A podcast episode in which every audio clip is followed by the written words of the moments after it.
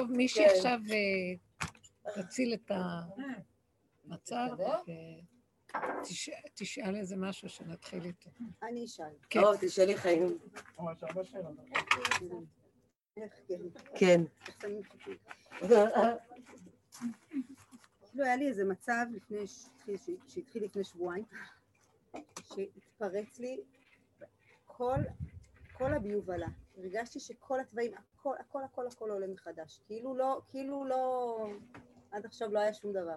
שום עבודה. שום עבודה, שום דבר. ואז כאילו הייתה לי איזו מחשבה ואמרתי, אולי מה שאנחנו עשינו זה רק כאילו כל הזמן הזה, אנחנו רק מתגרים בעץ הדעת הזה, ובעצם לא שום דבר, רק התגרנו בו, חשפנו לו את השורשים, וכאילו קם, הרגשתי שזה קם עליי, קם עליי בצורה מזעזעת, באמת. זה היה איזה טריגר כזה שפתח את זה, ואז זה קם, ואז הרגשתי שלא היה לי את השופט, זה לא היה, הכאבים לא היו מזה ששפטתי את עצמי איך אני כזאת, לא, רק פשוט השלילה גמרה אותי, מעצם השלילה עצמה, פשוט העיפה אותי, המחשבות הרעות, ה... כל הצבעים הקשים העיפו אותי מה... מעצמם, לא מה... אפילו לא מהמשקיף עליהם. ו... וכאילו אמרתי, אז מה, אז, אז איפה הגולם? איפה? כלום, הכל כאילו חזר. אין, אין, אין, אה, רגע, תראו, כל עוד יש, אולי אני אגדיר את זה קצת, אה, כשאנחנו אומרים עץ הדעת, אז עץ הדעת, השורש שלו הוא מאוד גבוה, הוא שורש הדעת העליונה, רשע דלית ידה, שורש העליון של הדעת. נכנס בו הנחש, והוא גרם לו, הסמ"ם, מה שנקרא. ויש אפילו מדרש שאומר אה, שהנחש התקרב לעץ, אז הוא התחיל לצעוק רשע אל תיגע בי. זאת אומרת, עץ הדת בשורשו הוא עץ החיים. אבל מאחר ונכנס בו הנחש, לזה אנחנו קוראים עץ הדת. מהו הנחש? הנחש תכונתו הכלכלות, ואין לו ישרות מצד הנחש של ה... הנחש, הנחש הסמ"ם.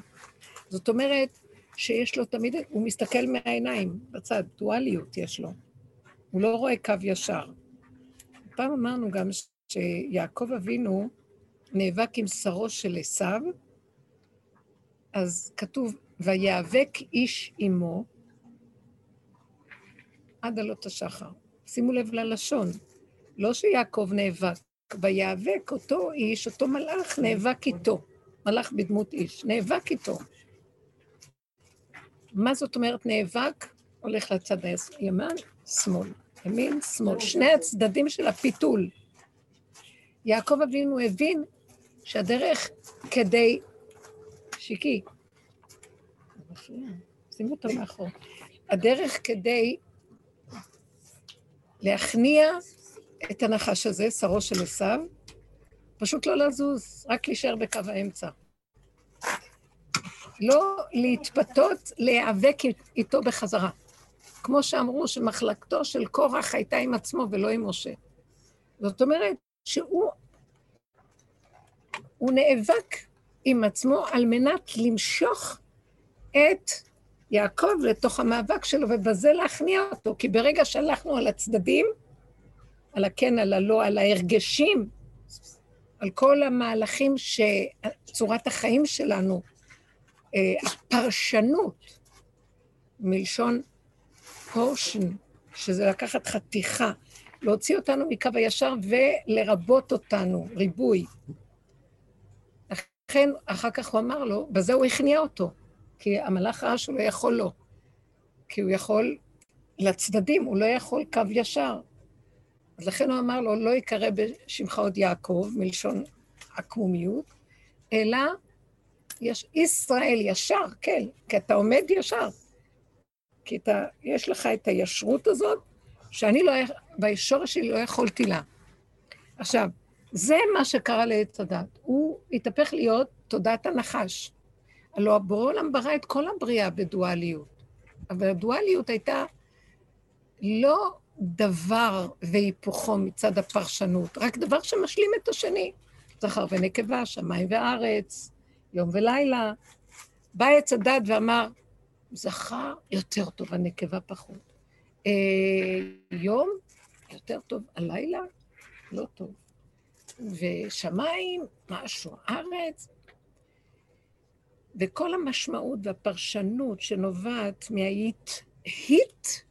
מההתחלקות, התרגשות, התגרשות מנקודת האמצע, זה יסודו של הנחש. ולזה אנחנו קוראים עץ הדת. אני פשוט מחדש את המושגים עוד פעם. זאת אומרת, שאת אומרת, עכשיו, מה עשינו בכל העבודה שעשינו? התחלנו לחקור מה זה עץ הדת. כל כולו הוא בלון נפוח, דמיון, הנחש. אבל כאשר אנחנו נותנים לו ממשות, משמעות, פרשנות, כוח, הוא מקבל מאיתנו, הוא יונק מאיתנו את המגושם שלנו כוח, ואז הוא מתגשם עלינו. והוא נהיה שלילי, קשה, הכל נהיה דרכו. ההתרגשות, אפילו הטוב הוא שקר, הרע הוא שקר גמור, אבל הטוב גם כן, והוא שקר מכוסה, כי הוא בסופו של דבר משורש הנחש של דבר והיפוכו. יש בו פרשנות ומשמעות, או, oh, זה טוב, ואז כולם רצים להרגיש, אה, להשתייך לטוב, ולהתרחב על זה, ולהיות בצדקות, ב... לא יודעת מה, דברים מצויים.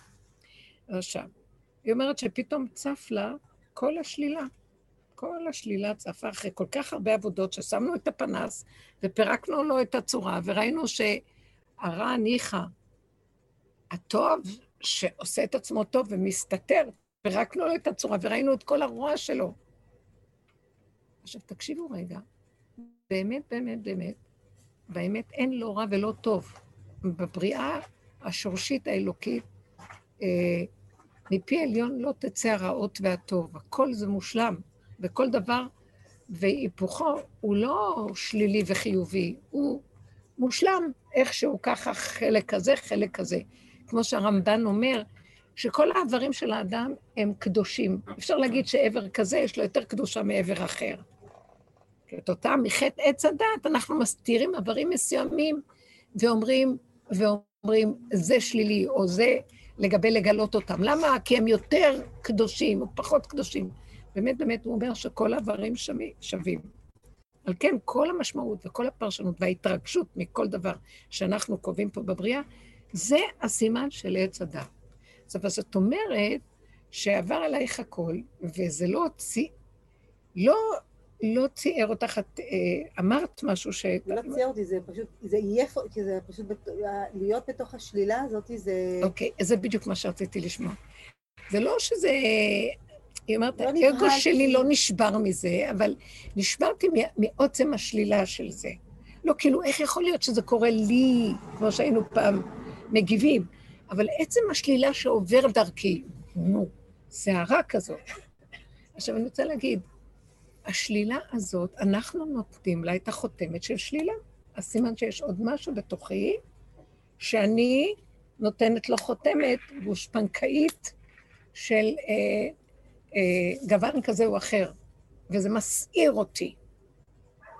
זה כאילו לא... אה, לא וזה מאוד קשה הדבר הזה. כאילו לא האמצע. אם אני שוללת משהו, אז כאילו זה לא האמצע. זה חיוב או שלילה, זה כאילו יש לזה ניקוד. אם יש לי איזו הגדרה שיש לה מה זה קו האמצע, אם כן? זה הדבר כווייתו נוטרל. לא יום ולא לילה. בואי תתני איזה דוגמה, את יכולה לתת לי כמה דוגמאות. מה עבר עלייך שהרגשת איזה שלילה? דוגמה, אני... מחשבות שליליות. כל בן אדם שנאה, קנאה, לא, שנאה, קנאה. אה, כן, כן. מזעזע. עכשיו, זה לא, זה אפילו לא היה בפרשנות, ועכשיו, כן, לא כן. יכולתי, הסתובבתי שבוע, אני אומרת, כל רגע עולה לי עכשיו, שתוק שטן, שתוק, שתקי שטן, שתקי, אל תחשבי, אל תלכי לפה. זה הנחש. זה הצפה. מסוכן פה, מסוכן שם, מסוכן פה. כל הזמן ראיתי שלא, מה שאני לא רואה, גל של... אה, שלילה. מה שהיה קושי זה כאילו כל הזמן, אה, הכל, כל דבר קטן ישר מצית שלילה גדולה. אה, תקשיבו. בגלל זה חלמתי עלייך כנראה, בין אה, שבת לראשון. באתי עלייך על הבוקר, ואז הם אמרו לי שנסעת, לא ידעתי.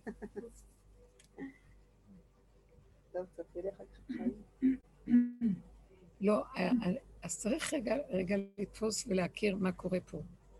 דעו לכם שאנחנו בדמיון אחד גדול, זה נקרא עץ הדת, ובייחוד החיובי. עד שלא נפרק את כל השורשים שלו, ונראה מה זה השורשים שלו, כל כולו שלילי.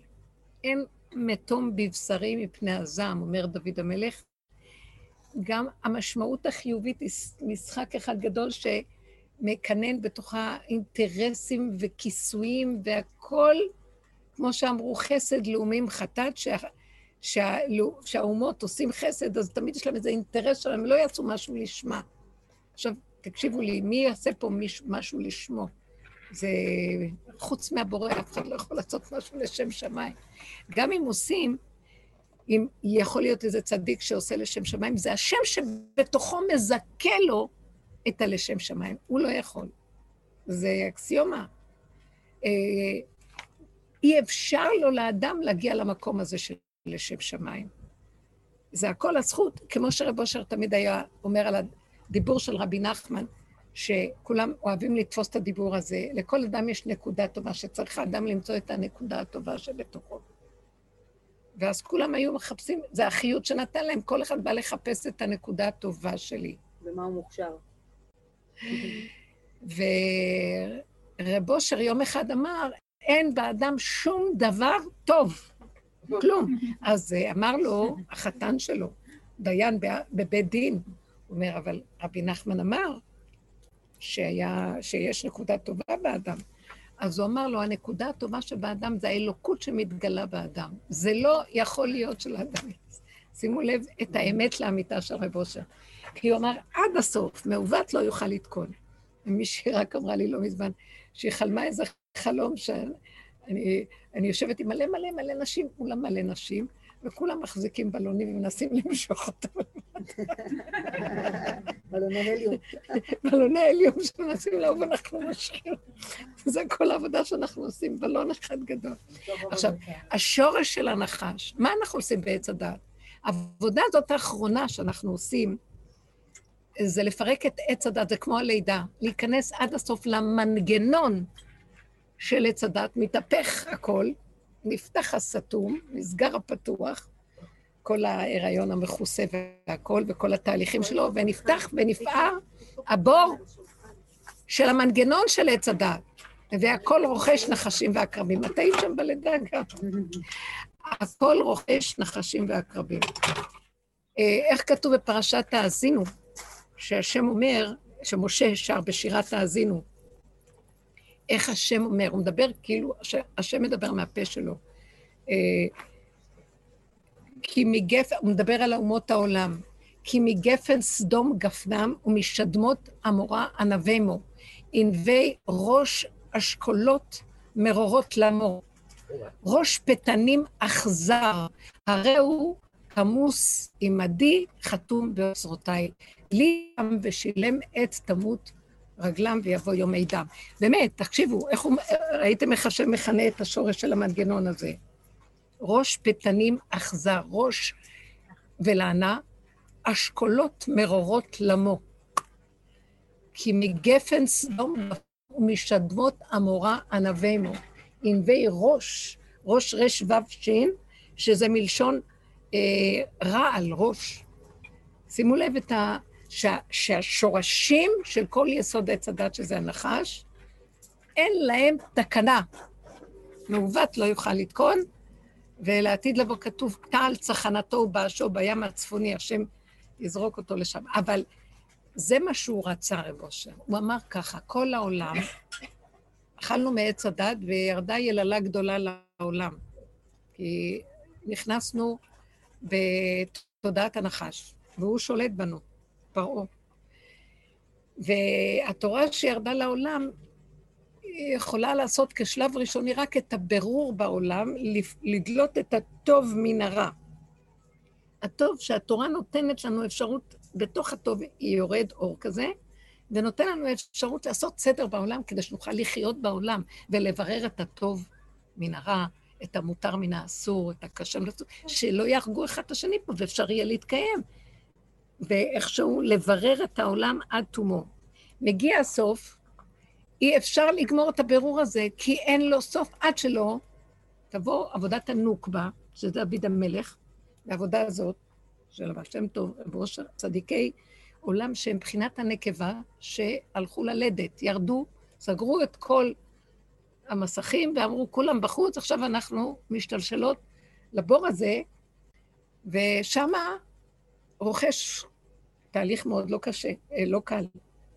זה הנחש נמצא שם, זה פנים מול פנים הנחש, הנחש עוקץ, כך כתוב בזוהר. נחש עוקץ באותו מקום, ויש, אה, רק שם אפשר, הוא משחרר את כל המהלך הזה. הכל, מה שנפער ועולה וצף, השורשים האלה מתחילים אה, להיות גלויים וצפים. זו שעת סכנה איומה. רב אושר היה אומר, אני לא זוכרת הלשון המדויקת שלו, הוא היה אומר כמה דברים על הרוע שיש בתוך האדם, ואף אחד לא רואה את זה, והכל סגור וחתום. אלה שיורדים למטה, מסתכלים ורואים, נוגעים בשורשים. רוב בני אדם לא מסוגלים לעבודה הזאת, זה צריך להיות דווקא הנוקבה. הנוקבה. הנוקבה, יש לה את מידת הדין הזאת, אליהו הנביא, אה, הכוחות האלה שיורדים עד למטה, מידת הדין החזקה של האמת עד הסוף. אי אפשר לגלות את האור האלוקי בלי שניגע במקום הזה. שמה, כאילו, סוף המרוץ. ואי אפשר להכיל את זה, ולנוקבה יש את הכוח הזה, כי היא יודעת, היא בקיאה ב... ממית ומחיה, למות ולחיות ולחיות ולמות ולמות ולחיות ולמות ולחיות. הגברים קשה להם, המוח של הדוכרה לא יכול לעמוד בזה, מאוד קשה. ועל כן, מי שיורד לשם ונוגע בדבר הזה, רב אושר היה אומר, אה, מת, מתגנב לליבו של האדם כמה מסוכן הוא. כי הוא לא יודע את זה בהתחלה, הוא עוד חושב שהוא איזה צדיקי ורץ לו בעולמות. ומתרחב לו עם העניינים שלו, של כל הרוחני וכל החיובי וכל האוויר. הוא אומר, כשיורדים לשוע, אדם מפחד פחד מוות, ממה? שהוא יהרוג, כי זה עובר דרכו, שיצא ממנו כל הלכלוך הזה ויזיק לעולם. הוא היה צועק שאומר, שמא מזיק הוא, אני זוכרת את הדיבור, אני לא יודעת בדיוק להגדיר באיזה צורה, מתגנב לאדם פחד נורא, שמא מזיק הוא, הוא יכול להזיק. על זה במשנה אמרו שהאדם הוא אב נזיקין. יש ארבע אבות נזיקין. השור והבור והמבעה, המבער והמבעה. יכול להיות שהאדם הוא נקרא מבעה כי הוא מבקש מלשון אה, שיודע לדבר. והוא יכול להזיק יותר, כי יש לו דעת. יכול להזיק. אדם שאין לו דעת פחות מזיק מאחד שיש לו דעת. על כן, כשנוגעים במקום הזה, וואו, זה המקום של סוף הדרך. עכשיו, אי אפשר להישאר שם יותר משניות. זה השורש של המבול, אי, אי אפשר, אי אפשר, אי אפשר, זה מסוכן. ובמקום הזה עומדת לנו הדרך להכיר. אה, זה הגולם לא יכול להכיל, ואז הוא חייב להרפות, חייב להפיל את התודעה הזאת. מה זה להפיל את התודעה? להפיל את הערש של התודעה. מהי? הפרשנות. המשמעות וההתרגשות, ולהישאר כמו גולם שלא יודע כלום, לא מבין. הוא יראה רע, והוא לא רואה רע. הוא לא רואה את זה כרע. מתחיל להשתוות לו הצורה. הוא נוטל את ההרס של הדבר, כי ברגע שאדם רואה רע ומגיב לרע, הוא נות... מפרנס אותו עכשיו. זה דבר מפרנס דבר, ומזה הוא חי, הוא יונק מההתרגשות לא שלי. הרגשתי שהרע הוא, הוא כאילו גועם לי, לא הרגשתי שזה אפילו היה משהו שהגבתי אליו, אלא כאילו כל מה שבא במגע איתי היה... סכנת כאילו מוות. היה סכנה, אני הייתי הסכנה. לא הם, כאילו, כן, כן, זה לא. שהם, לא שהם אפילו העלו בי משהו, פשוט אני הייתי, זה מה שהיה. אדם במצב כזה, אם הוא עובר ליד אנשים בלי לדעת, הוא יכול להרעיל אותם. רגע, הפרשנות שלה להגיע למקום הזה. אז במקום הזה, תקשיבו, זה השורש של עץ הדת, מהו? פרשנות. הפרשנות גואה. היא רואה רע והיא נבהלת ממנה. מאיפה את יודעת שזה רע? הנחש. זה לא היה ב- בתודעה של. הרע, זה פשוט היה. העומס של, של שלילה שהוא לא, לא, לא נבהלתי זה לא עצמה. במוח כבר. זה היה שלילה שחונקת... זה השורשים של המנגנון. הם, הם כולו פרשנות רעה. מה שהוא לא יראה, הוא יגיד רע. הוא רואה דבר טוב, הוא אומר, רע. הוא רוצה לה... אתם מבינים מה זה? לא חוויתם כזאת מרירות שאי אפשר לתאר, שמה שלא, מרירות. תראו, אין, אין טיפה טוב בכלום. לא, אבל את זוכרת שאמרת בתחילת הדרך, שהדרך הזאת, אתה צריך בה הרבה עצבים. כי למה צריך, מה זה עצבים? חוזק, חוזק. מידת הגבורה. שאמרתי לכם קודם. מה זה מידת הגבורה? זו מידה שלא מתרגשים. מסתכל לו בעיניים ולא מתרגש. זה מה שצריכים לסגל את הכוח הזה. זה כמו היולדת, נו. וגם יש איזה רגע שזה בלתי אפשרי. בדיוק. אבל גם זה כי- צריך להגיע דרך עץ הדעת בשביל להבין שזה הטריק של המנגנון שתמיד ירצה לשאוב אותי, אז אני צריך לעבור דרך עץ הדעת. לא, זה הפירוק. זה לא בא, זה סוף הדרך. זה מראה לי שזה זה סוף דרך? הדרך. אבל, אבל אין הפירוק- הבנה, אין השגה, יש רוע שאין לו אח ורע, ואת לא יודעת מה לעשות איתו. אבל יש גם עניין של עצבים שאת את אפילו לא יודעת על מה ולמה. נכון, נכון, זה המקום, זה המקום.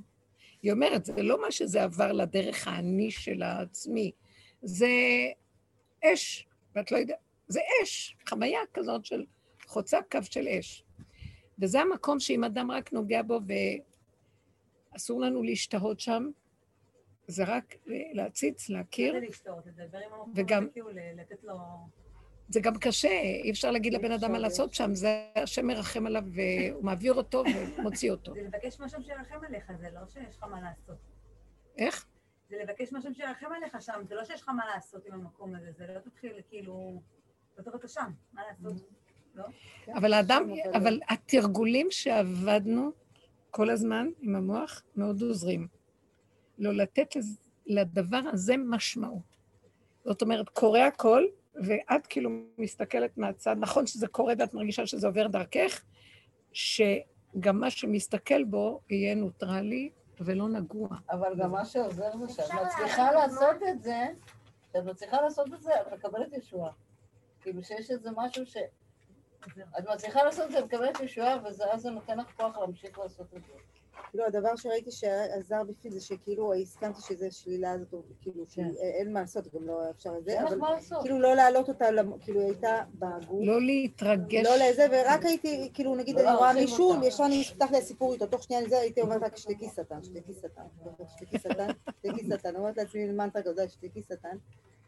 וכאילו לא נכנסת לדיאלוג, כאילו ברגע שעולה לי הדיאלוג בראש, אז אני אומרת, טוב, בדיוק. כאילו, אבל אין לי מה לעשות עם השלילה, אבל. כאילו לא להרחיב אותה רק. ממש כן, לא. היא באה להדליק אותי למקום הזה. אז עכשיו, ממש, אז עובר אלינו, עכשיו גם זה התקופות האלה של שלושת השבועות, גם כן סף כל השורש, זה ירחין דאסף, השורשים האלה שהנחש צפים. היום, היום הייתי באיזה מקום, והרכבת באה מולי, הרכבת של אה, הכלה, ואז אני רצה, אני יודעת שאני בשנייה, אני, אני רצה לרכבת, ואני ליד הדלת, והנהג, זה היה הקרון הראשון, הוא רואה אותי רצה. ואני נוגעת בדלת, מישהו כבר עלה, נכנס, סגר, ואני נוגעת. ראיתי אותו סוגר את הזה ונוסע. כאילו, ואז אמרתי, וואו, איזה אכזריות. ורצתי לי, התאמצתי. ולרגע, שאני שומעת איזה אכזריות, זה חזר אליי, איזה אכזריות. את בדיוק אותו דבר. שמעת? בתוכך שוכן מנגנון, פתאום משהו דיבר. המצלמה חזרה והוציאה לי תמונות, אמרה לי, התגובה הזאת, את רואה? התגובה הזאת לפלוני אלמוני, התגובה הזאת, התחושה הזאת שעברה לך, את רואה איך שזה קיים? הנה, מראים לך איך זה נראה. ואז לרגע, פעם הייתי נורא מתרגשת מזה וכואבת, כי צריך לעשות עבודה. הסתכלתי על זה ואמרתי, אבל ריבונו של עולם, נתנו לך, אני לא מסוגלת יותר להתרגש, פחדתי לא להתרגש מזה שהיה לי משוב עצמי, שזה אני, כי שם הייתה כל העבודה פעם. ואמרתי לו, אבל זה המציאות שלנו, ואתה שמת אותי בתוך זה, ואני אפילו לא מוכנה לרדת על עצמי יותר, ולא לעשות שום עבודה נכון. יותר, ושום דבר של אה, הלקאה ונקודה, ולקחת את זה מזה, נגמרה לי עבודת עץ הדת. הבנתי שאם אני טיפה אתן לזה התרגשות של עבודה, אני אתן לזה כוח, ועוד פעם אני אכנס לעבודה, ואין לי כוח לטיפת עבודה. לא הייתי מוכנה. וזה, אחרי שנייה, יצא ממני. ככה זה, וזהו זה, וזה העולם, ולא כעסתי על הנהג. בהתחלה היה לי גל של כעס, איזה התנהגות. לא, וגם אני לא, ושום דבר לא, ואיך שזה ככה, ככה זה העולם, ואין לזה שום משמעות וממשות. זה הפירוק של עץ הדעת לחלוטין. בנגיעה כזאת של אין טענה, אין מענה, אין שיפוטיות, אין ביקורת, אין עבודה. אין כלום, לא מסוגלת לעבוד יותר. לא מסוגלת. ישועה. אם אנחנו לא נגמור את עבודת עץ הדת, זה לא ייגמר, זה סכנה כבר. ככה אני מרגישה שהוא אומר לנו. זהו, נגמרה העבודה. זה כל כולו בלון שמקבל כוח מאיתנו לעבוד. עכשיו, דומה בדומה מתקן, עשינו את זה. כן, ראינו, אנחנו כולנו שקרנים בתוך זה, הכל רוכש, ובחוץ משחקנו, פירקנו, פירקנו. יכול להכיל את זה בכלל. מה שכתוב בפרשת האזינו, אנחנו נוכל, אי אפשר. זה שורש פורה ראש בלענה, שהוא בעצם ניזון, הקיום שלו ניזון מזה שאני מתרגש ממנו. אז אני לא מתרגש, החזרתי את זה אליו.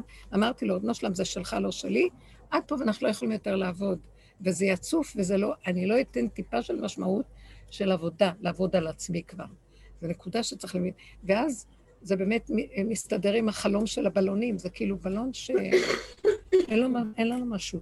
אנחנו נמחה את המקום הזה של העמלק. למה המילה מחייה? כמו שאת לוקחת מצית ומוחה, בלי שום משמעות ובלי שום כוח ובלי שום כלום. אבל כמה צריך לעבוד כדי להגיע למקום הזה של לממש את עבודת המחיה, נמחה לבד. ויושבים על המחיה ועל הכלכלה ואוכלים ושותים. אחרי שעושים מחיה. עוד פעם יש לי שאלה. על המחיה. זה חייב להגיע לקצה, נשחט בשביל זה. אה, אני אגיד לכם. כן. כי זה ממחיש לנו, כאילו שעד שלא נגעת בנקודה, אין לה מהפך.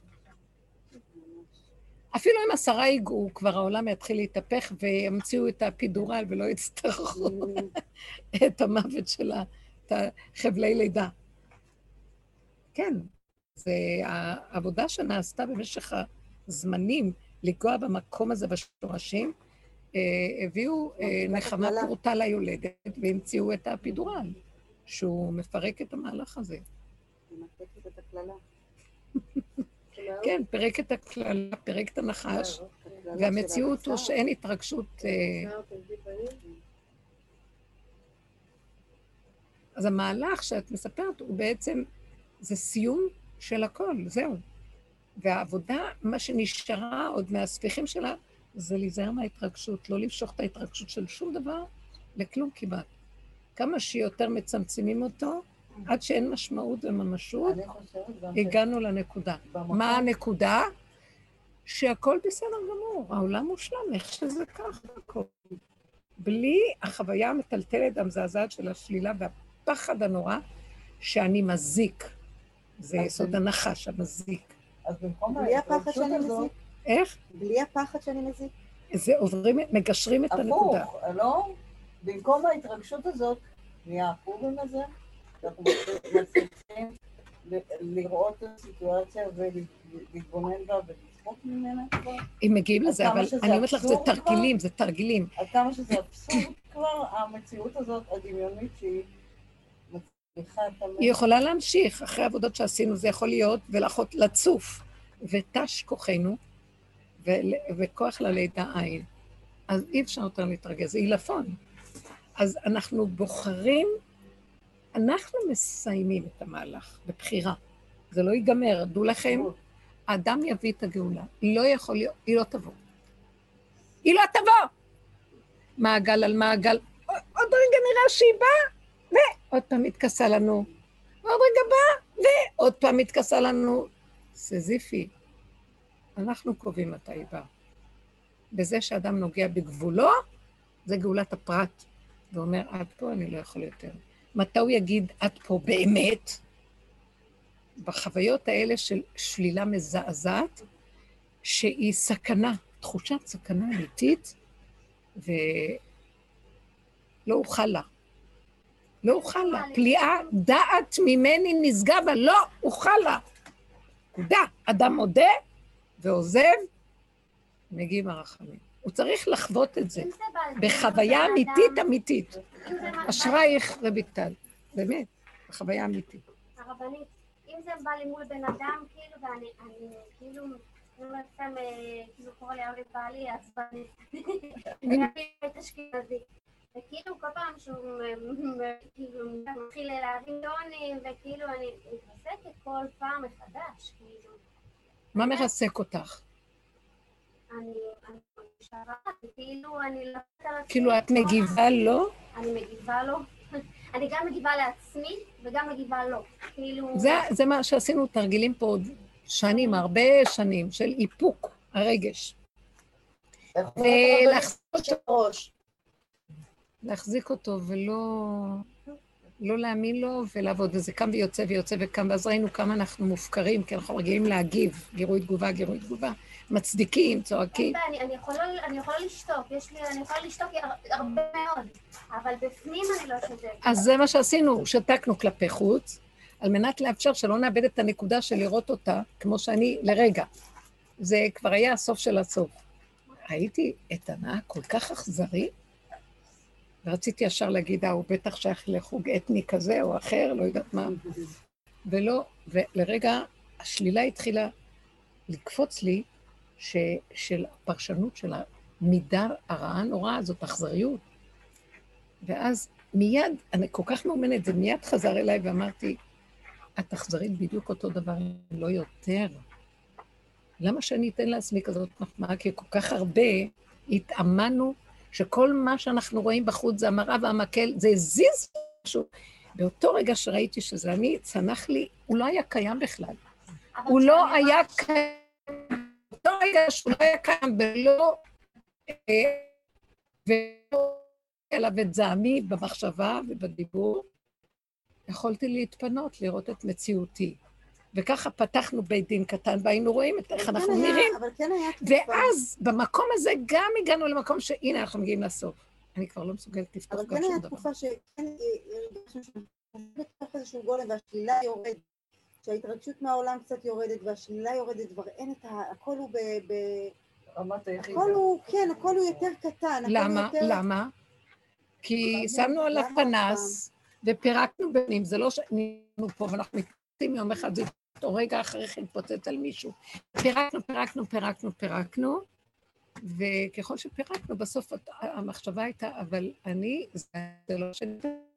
וכשראינו, זה כאב לנו, אז אחר כך עברנו על זה שלא נשבר שזה אני, ואחר כך היינו, רגע, ואחר כך ראינו שאין סוף לזה, וגם האני הזה לא אשם, כי זה האני הדמיוני שאני חושב שהאני. וזה מנגנון כזה ששולט בנו, ואין לנו יכולת...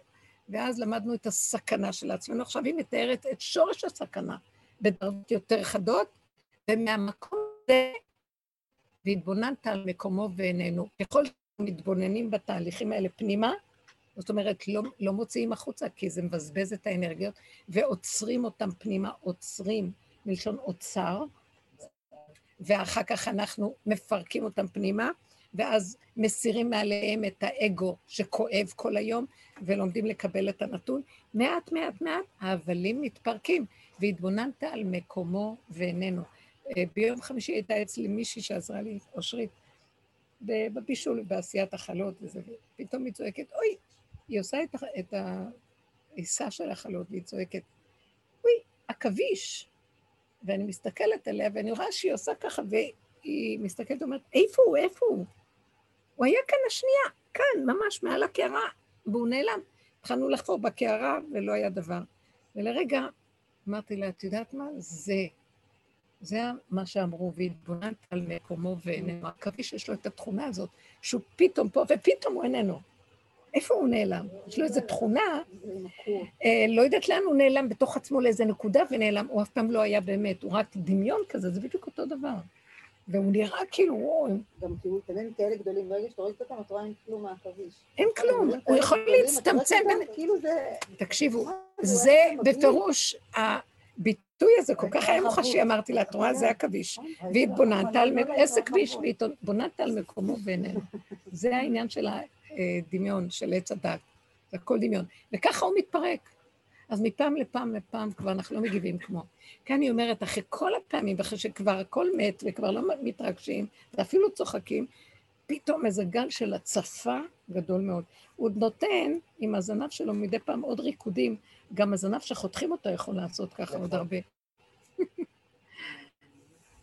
אבל ראיתי שכאילו, זה היה מרגע, מתגובה אחת שיצאתי בעץ הדת של הצדקנות, תגובה אחת, מייל אחד, פתח את כל ה...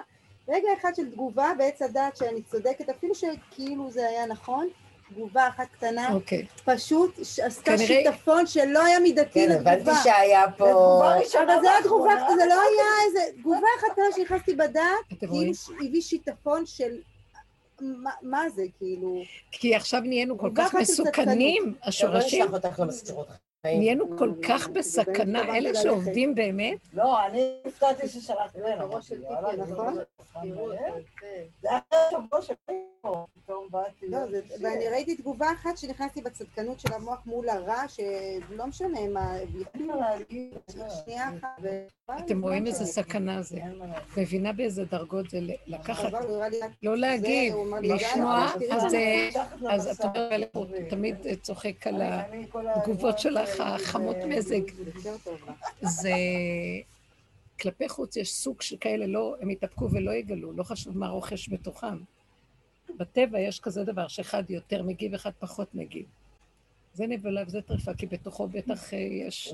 רוכש, אבל זה מטבעו כתל ומציבך מוציאה. האמת שכל אחד צריך לעשות עבודה על עצמו. רק אלה שמאופקים, אם הם היו עובדים על עצמם יותר להתבונן, היו, היה להם איזה מין מעלה של, הם כבר אסופים. ויש נקודה שמאפשרת יותר להתבונן, מזים את המציאות בגירוי תגובה והתרגשויות של תגובות. זה ההיבט של העבודה. איפוק והכלה. א', ב', השלבים הכי קשים שאת נשרפת, כי את צודקת, ואת צריכה להתאפק ולעשות עבודה. מדוע? כי אנחנו לא מחפשים צדק, מחפשים אמת. אני לא רוצה להיות צודקת. למה אני מתנהגת ככה? זה מעניין אותי עצמי. הנקודה שלי מעניינת יותר מאשר לנצח ולהראות לשני שאני צודקת. זה לא משנה לי להיות צודק בפני השני. כי הקו המנחה ומוביל אותי, זה אני רוצה להגיע לתכלית, לעבור מהצדק משמיים נשקף למקום של אמת, מארץ תצמח, ושם נמצאת האלוקות, באמת. זו הנקודה הטובה. האלוקות, האמת, נקודת האמת שבדבר. לא הצדק. הצדק הוא שכל של אמת. יש פה משהו שיש בו אמת, אבל הוא שכל, הוא לא מציאות. מה זה ההבדל צדק לאמת? עכשיו, קחי את הצדק הזה, תשלשלי אותו דרך המידות, בואו נראה אם הוא יישאר עדיין שם חי. מאוד קשה לקחת את הרעיון שאת צודקת ולעמוד בניסיונות הצולבים של המידות, הכעס, הרוגז, השנאה, הנקימה, הנטירה, החלון הנורא, ייאוש, והגאווה, וכל דבר והיפוכו שאנחנו חיים איתו. ברעיונות נדבר הכי גבוה ונהיה צודקים. באמת, העובדה, אם אדם מתווכח עם השני להראות כמה הוא צודק, סימן שהוא לא יכול לעמוד בשום דבר שהוא חווה, כי הוא ישר הודף את המתקפה ורוצה להוכיח שהוא בסדר. מי שמחפש אמת חייב להתאפק, להכיל, להודות שזה קשור אליו, ולעזוב את השני. שימו לב איזה עבודה זאת. כן, אי אפשר לבוא וליטול את השם מעץ הדעת. עץ הדעת אין בו אלוקות. ואנחנו מחפשים רצוננו לראות את מלכנו. אז תשחטו, אומר, מה אתם חושבים? לא מחשבותיי מחשבותיכם, ואני לא נמצא איפה שאתם. אז אתם חייבים, כדי להגיע אליי, זה מה שדוד המלך עשה. נדבך אחר נדבך, לשחוט את כל הדמיונות. וזה חבלו של משיח. זה התהליך הזה, לא, לא נשאר כלום. מי שיש לו את העוז ואת העצומות למקום הזה, וזה מתאים לנוקבה, עם ישראל הוא כולו נקרא נוקבה, דרך אגב. אף אחד מאומות העולם לא רצו לקחת מה שעם ישראל לקח על עצמו. כל ה... הרבנית, אבל- אבל יש אנשים... גלויות שבטבע- הנוראיות. אני בטבע שלי זה להגיב, אבל יש אנשים, אני מכירה אותה, הטבע שלה זה להיות מאופקת, לשתוק, לשתוק. איך האיפוק הופך להיות לא איפוק בפה. ההתבוננות הפנימית. אז זהו, זה עבודה שצריך ללמוד, כאילו, זה... זה איך. עכשיו היא עושה את זה? כאילו, היא רוצה מדי. מה? את אומרת, עברנו את זה, עשינו את הפירוקים. אנחנו חייבים תמיד, אה, עברנו, אבל אנשים באים, צריכים לשתף אותם, וכבר עבודה שנעשתה פה, אתם לא צריכים את כל המעבר הגדול, כבר סללו דרך. גם לנו שבאנו, סללו לנו דרך, גם ככה זה. אבל הנקודה היא להבין שבעצם חייב להיות לנו איזו שליחה יותר ממה שנצטרך אנחנו מתגעגעים למשהו שנמאס לנו מהחיים, איך שהם נראים. זה מה שימשוך אותנו. למה מתגעגעים? למה אדם מתגעגע? ברוחני בזה, ולא בשמיים מי? להכיר את היסוד האלוקי, האמת. כי אנחנו רואים שהכל מלא שקר. אז האמת לא נמצאת בשמיים, היא פה בארץ, בתוכנו, באדמת בשרנו. אז תעברו דרך המידות, וידעת היום, כולם מדברים על עד השמיים. ועוד לבביך? לרדת מהדעת, אנחנו משתשלים למידות, שידענו מתהפך עלינו. לא יכולים לעמוד ברגע במה שאמרנו. מאוד קשה, מאוד קשה. זו חוויה לא קלה. אז האדם פשוט מתחיל להכיר את השקר של קיומו, וכבר נסתמו לה, סתמו טענותיו, ואין לו על מה לדבר. זאת עבודה הבאה, זאת עבודה... אנחנו נשברים. לא, כן. אז רגע, כשאת נשברת, אז תגידי, רב אושר שם אה, זמן מאוד מאוד גדול על העבודה שלו להישבר. הוא אמר, אם אנחנו נשברים, זה האגו של הכל הוא לא צדיק, הוא מושלם. ואין לבוא להשם עם המושלמות. מי יעמוד לפניו ויגיד אני מושלם? קחי את יום הכיפורים כדוגמה, ואנחנו עומדים לפניו, כולו מכף רגל עד ראש, אין מתום בבשרים, מלאים פגמים ווידויים על חטא כזה ועל חטא כזה ועל חטא כזה ועל חטא כזה. זה הסוף של היהדות. בייחוד אחרי. שלמדנו שהצדקות, כאילו ביהדות, הצדקות זה ה... להתקרב לאלוקות, ופתאום. כי בגלות אנחנו תופסים שהאלוקות היא נמצאת בשמיים כביכול, ואנחנו תופסים, לוקחים את עץ הדת החיובי ועובדים עליו. כי מה עשתה היהדות בעולם? ירדה תורה לעולם. הלוחות הראשונים היו מלאים באור הגנוז וגילוי אלוקות ממש, אבל לא עמדנו בזה. ואז תורת משה בעצם, מה היא עושה? גם הוא רצה כל כך להביא את האור הגנוז, ולא זכה לזה, כי אנחנו לא היינו ראויים לקבל את ה... ואז מה הוא עשה? אז במיטב הוא התחיל לברר מה נכון, מה לא נכון. בואו נעשה סדר בעולם, שהעולם אפשר יהיה לחיות. לחיות בו, זה היה אחרי דור המבול, דור הפלגה, דור אנוש, הדורות קלקלו והרסו עולם.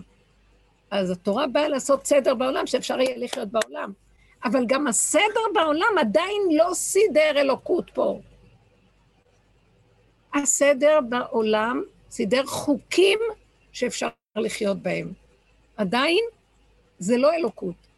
זה חוקים שהם באו והשתלשלו מהיסוד האלוקי, אבל ככל שהם השתלשלו למטה, הם נכנסו לתחום של עץ הדת, וכל הזמן אנחנו צריכים לברר אותם, לכן הרבנים צריכים ללכת אליהם, מה הלכה, מה הלכה, מה לא הלכה, כן הלכה.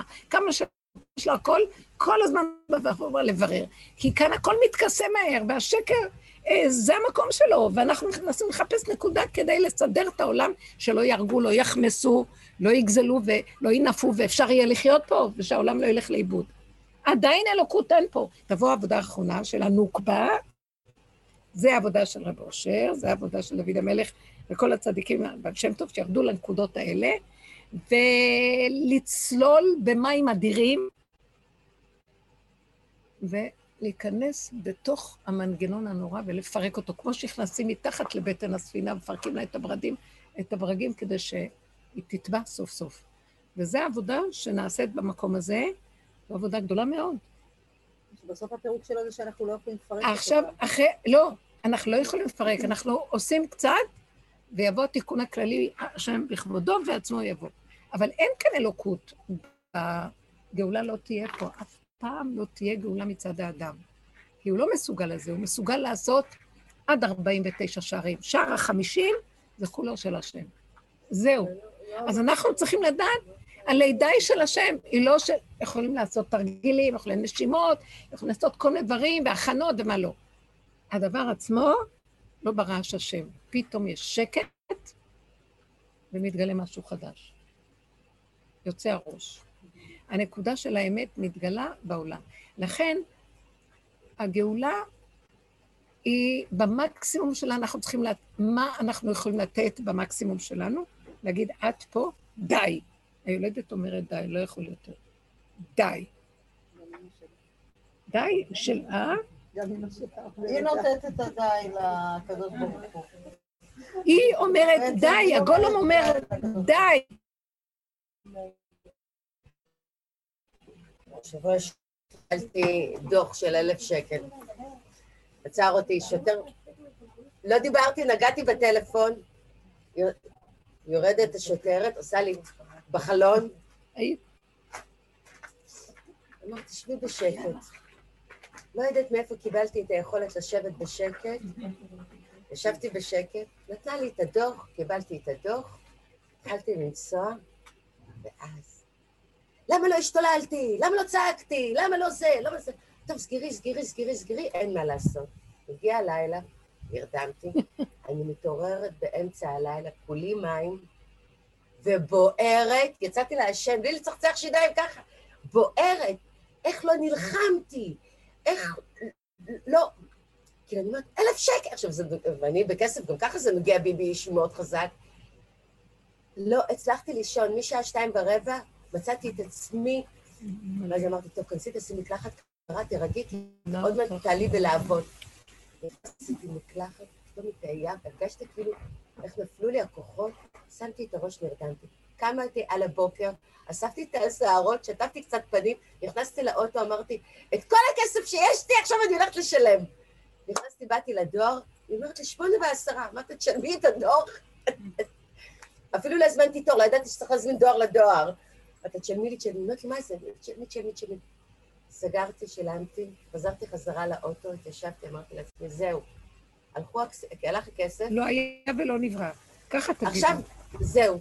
אז היה לי איזה רגע שאחר כך זה עלה לי עוד פעם, ואז התחלתי לבכות, אמרתי, טוב, אז תבכי, לא משנה. לא היה לך אלף שקל. רציתי לתת אותו לילדה. ואז אני בדיוק מתקשרת, אמרתי לה? לא היה לך כסף, רציתי לתת לך, לא היה לך. אז היא אמרה לי, טוב, תעשי לי קניות. אמרתי, אין בעיה, אני אעשה לך קניות, אז תבואי. אבל הלכו. לא, באותו רגע הכאב כל כך גדול, שאני לא יכולה להכיל כאב, אני אומרת, לא היה ולא נברא. אי אפשר, חייבים למצוא אה, משהו כנגד הנחש הזה. אי אפשר לעמוד בכלום כבר. אי אפשר, הגולם הוא גבולי ולא יכול לעמוד. הצעקה הזאת היא מה שעוזרת. לא שלי, לא היה ולא נברא, אין לי קיום פה, יש לי נשימה אחת והיא צריכה להיות טובה, מתוקה, כפרה על הכל, לא שווה לי כאן שום קיום אם לא מתוקה וטוב לי. זהו. זה הגאולה הפרטית, וככה תתחיל לבצבץ גאולתו של העולם. אין דרך אחרת, זהו. תדעו לכם גאולת הפרט.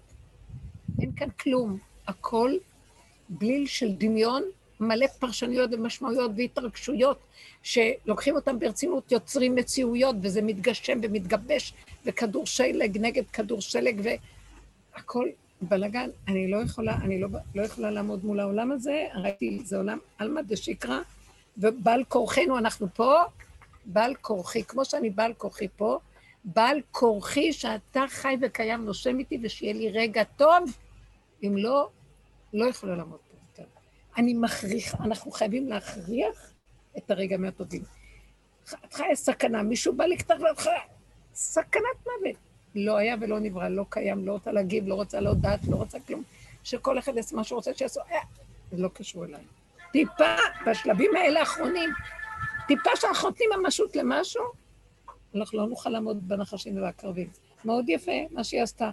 היא סילקה את זה מעליה וסיימה, שילמה מה שהיה. זה לא משנה, היה, לא היה, זה דמיון. מה? כסף זה פיקציה. לא אצלי. כל הזמן מבינים את זה, זה, זה, ככל שאתה יותר נותן לזה ערך של פיקציה, אתה...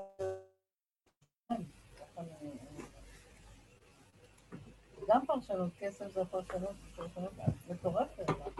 זה גם פרשנות. מתים מהדבר, הם מתים פרשנות של הדבר, כי לדבר אין ממשות.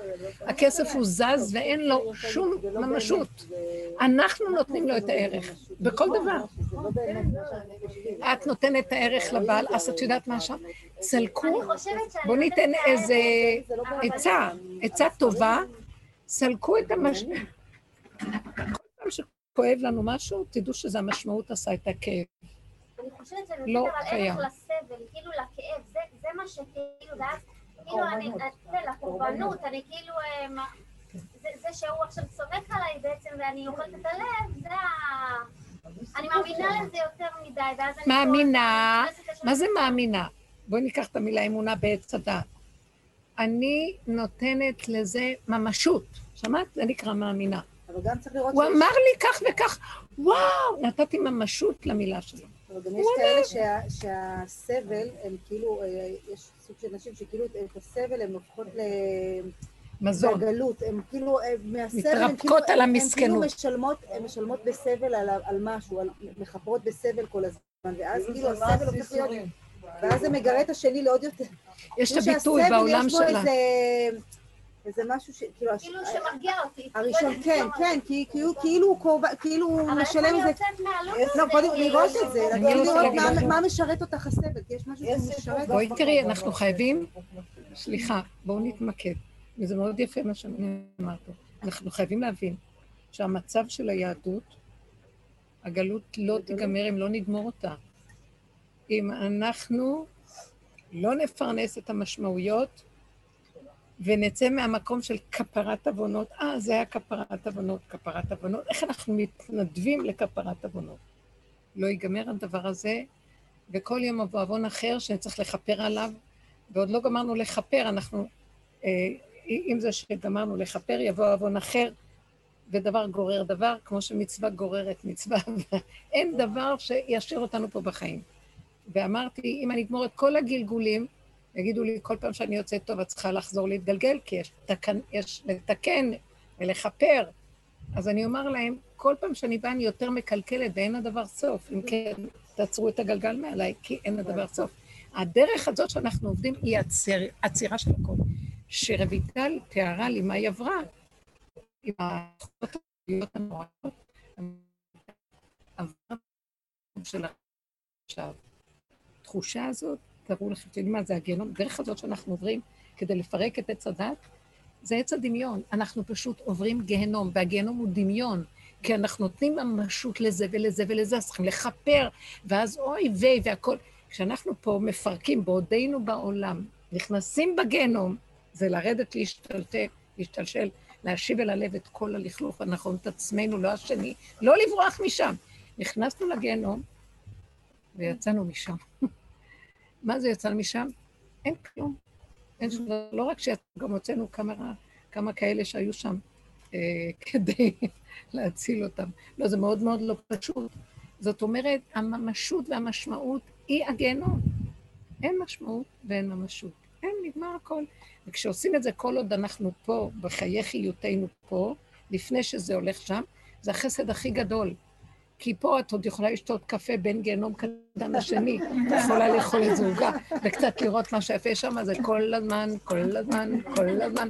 תודעה מזעזעת של שלילה, שלא יכולים לצאת ממנה. אז תגידו תודה. כן, כן.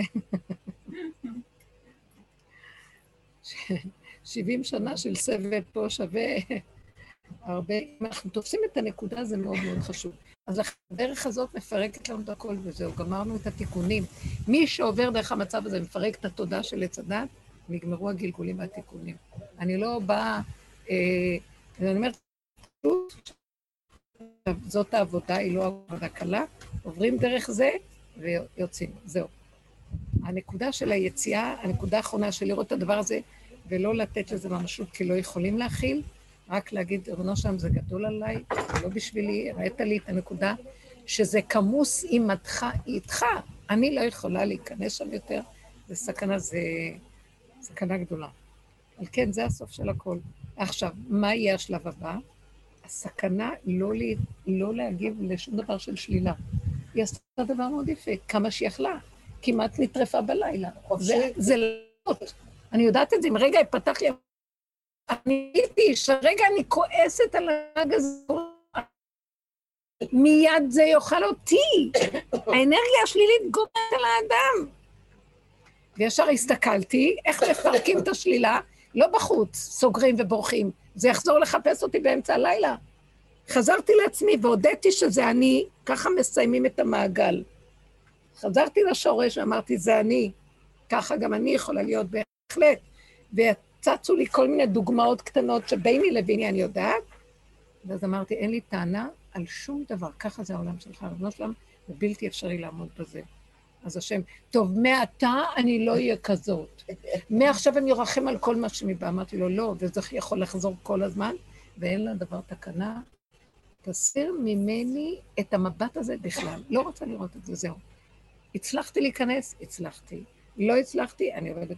אבל היה עוד משהו קטן שהייתי צריכה לעשות איזה שלוש דקות כדי לעבור את המצב הזה ולשחרר את הכל. אחרי זה לא נשאר לי רשימו של הדבר, ממש. לא אכפת לי כלום. וזה מקום של שחרור, פירוק לחלוטין. הפירוק הוא הגאולה של העולם. פרוק ית אנח מפום מרייבתה. תוציא, תפרוק אותנו, אה, ת, תגאל אותנו מהפה של הארי הזה, מהנחש הנושך, כי אנחנו לא יכולים לעמוד בו יותר. האדם יצטרך להגיע לגבול הזה ולצעוק צעקת אמת כמו לידה, ולהגיד, לא יכול יותר, זה לא בשבילי, אין לי אפשרות, זהו. השם, רק אתה תתגלה. התיקון הכללי יהיה בידי השם יתברך, כי אי אפשר לנו להיכנס לשער החמישים, ורק בורא עולם לכבודו ובעצמו. אנחנו נותנים את ההכרה שאנחנו לא, זהו. לרוץ, לא רוצה כבר כלום, כי כל רצון שיש לי, ישר יורד לי איזה כאב אם לא ייתנו לי אותו. לא בא לי לרצות כבר כלום. אז הייתי ליד, עברתי ליד איזה מישהו ש, שהוא צדיק ונותן ברכות, הוא אומר לי, אז מישהי אומרת לי, תבקשי, תבקשי ברכה. והוא אמר, מה את רוצה? והסתכלתי ואמרתי, אני לא ידעתי להגיד לו מה אני רוצה. לא רוצה כלום. ועמדתי איזה רגע ארוך. אמרתי לו, אני לא יודעת מה להגיד. תבקשי, נו, תבקשי, הוא אומר לי. אמרתי לו, אני לא יודעת מה לבקש. זהו. ואז הוא בירך משהו. מה שטוב לי, יהיה טוב לך. אותי, רק שלא קילל אותי או משהו, כי הוא עובר איזה ייסורים עם עצמו לחצי גימה. אמרתי לו, מהר, פחדתי, אני כבר פוחדת מהכל, לא, כבר לא יודעת, לא יודעת מה צדיק, מה לא צדיק, מה כן, מה לא, מה כן, מה ברכה, מה כלל, לא יודעת כלום. שקט, זה מה שאני צריכה, שקט, שלווה. אמת פשוטה של איך שזה ככה, ולא חסר דבר בבית המלך. טיפה של רצון של משהו והתרחבות, יבוא הכאב, אם אני לא אקבל את זה. לא, לא, לא, לא בא לי. אז, אז נהיה שקט, וזהו. לא צריך את כל זה, לא צריך שום דבר. תתהלכו בין הטיפות וזהו. הצמצום הגדול הזה, גם משיח כבר מפרק.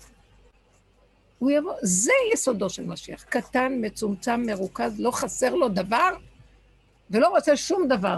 איך שזה ככה, הכל טוב. שלוות עולם, תודה רבה אבא.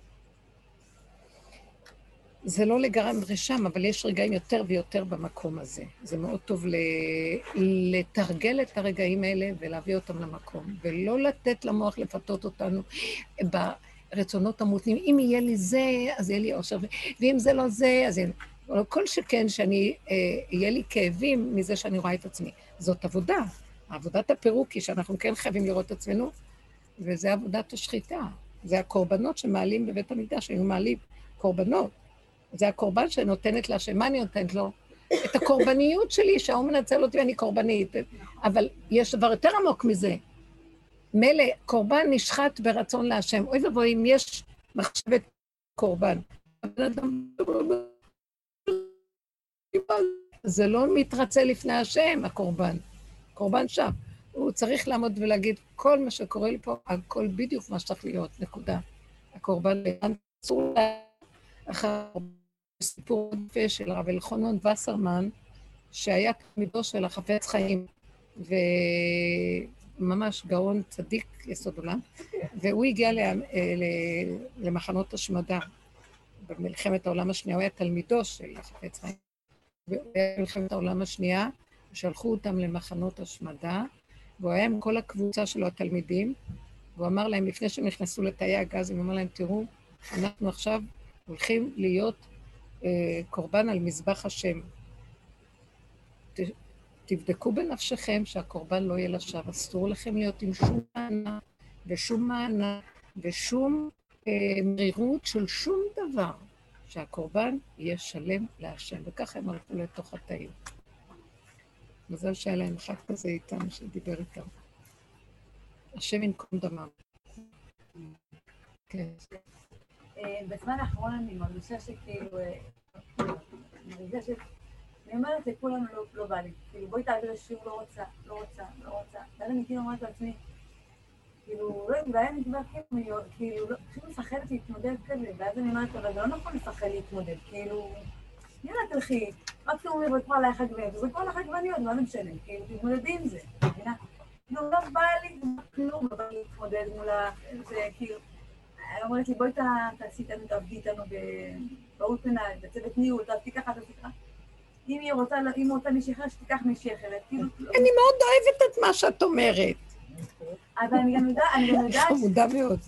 תקשיבו, זה מהלך הכי יפה, זה ההתחלה של השלט כל ה- ההתנדבויות החיוביות. את לוקחת ערך ואת עושה מזה חיובי, ואז את מתנדבת לחיוביות, רוצה מדרגה, רוצה איזה אינטרס, לא, גם- רוצה גם כלום. כשאת. אומרת לא רוצה, זה מהלך מדהים, לא רוצה גם את המדרגה של זה, לא רוצה את הסיפור של זה, לא רוצה כלום. לא, לא רוצה, לא מדובשך, ולא מיוקצך. אין כוח, כאילו זה לא... מדהים, מדהים. מי רוצה להתמודד? לא שווה זה לי את זה, רוצה. להתמודד עם מה? לא רוצים להתמודד פה עם כלום. מה לי להתמודד? למה אני רוצה להתמודד? כי גנוב אצלי שאני רוצה איזה טובת הנאה מזה, איזה מדרגה, איזה מחשבה, יעריצו אותי, יאהבו אותי, נכון. יהיה לי סיפוק, יהיה לי ריגוש, לא, אבל ישיג איזה משהו. ההתמודדות שאני מצליחה, זה גם אין כן מה להשיג פה.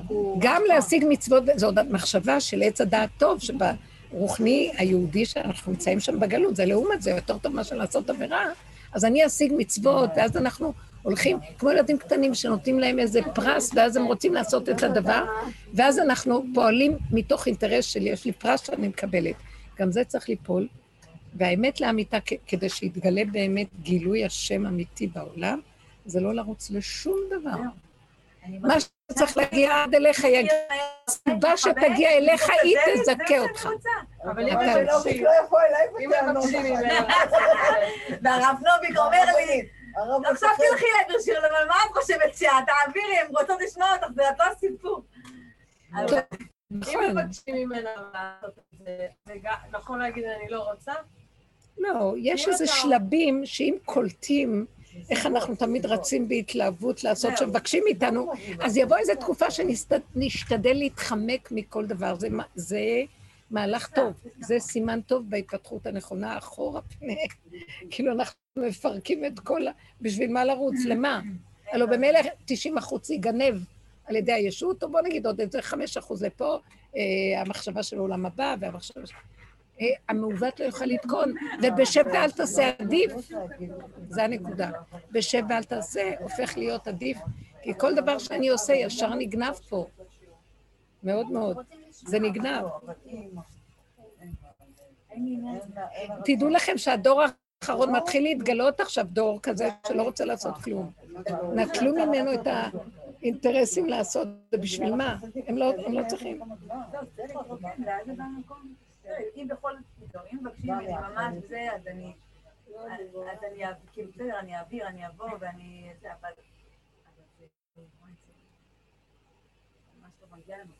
לא. לא, את עוברת תהליך טוב.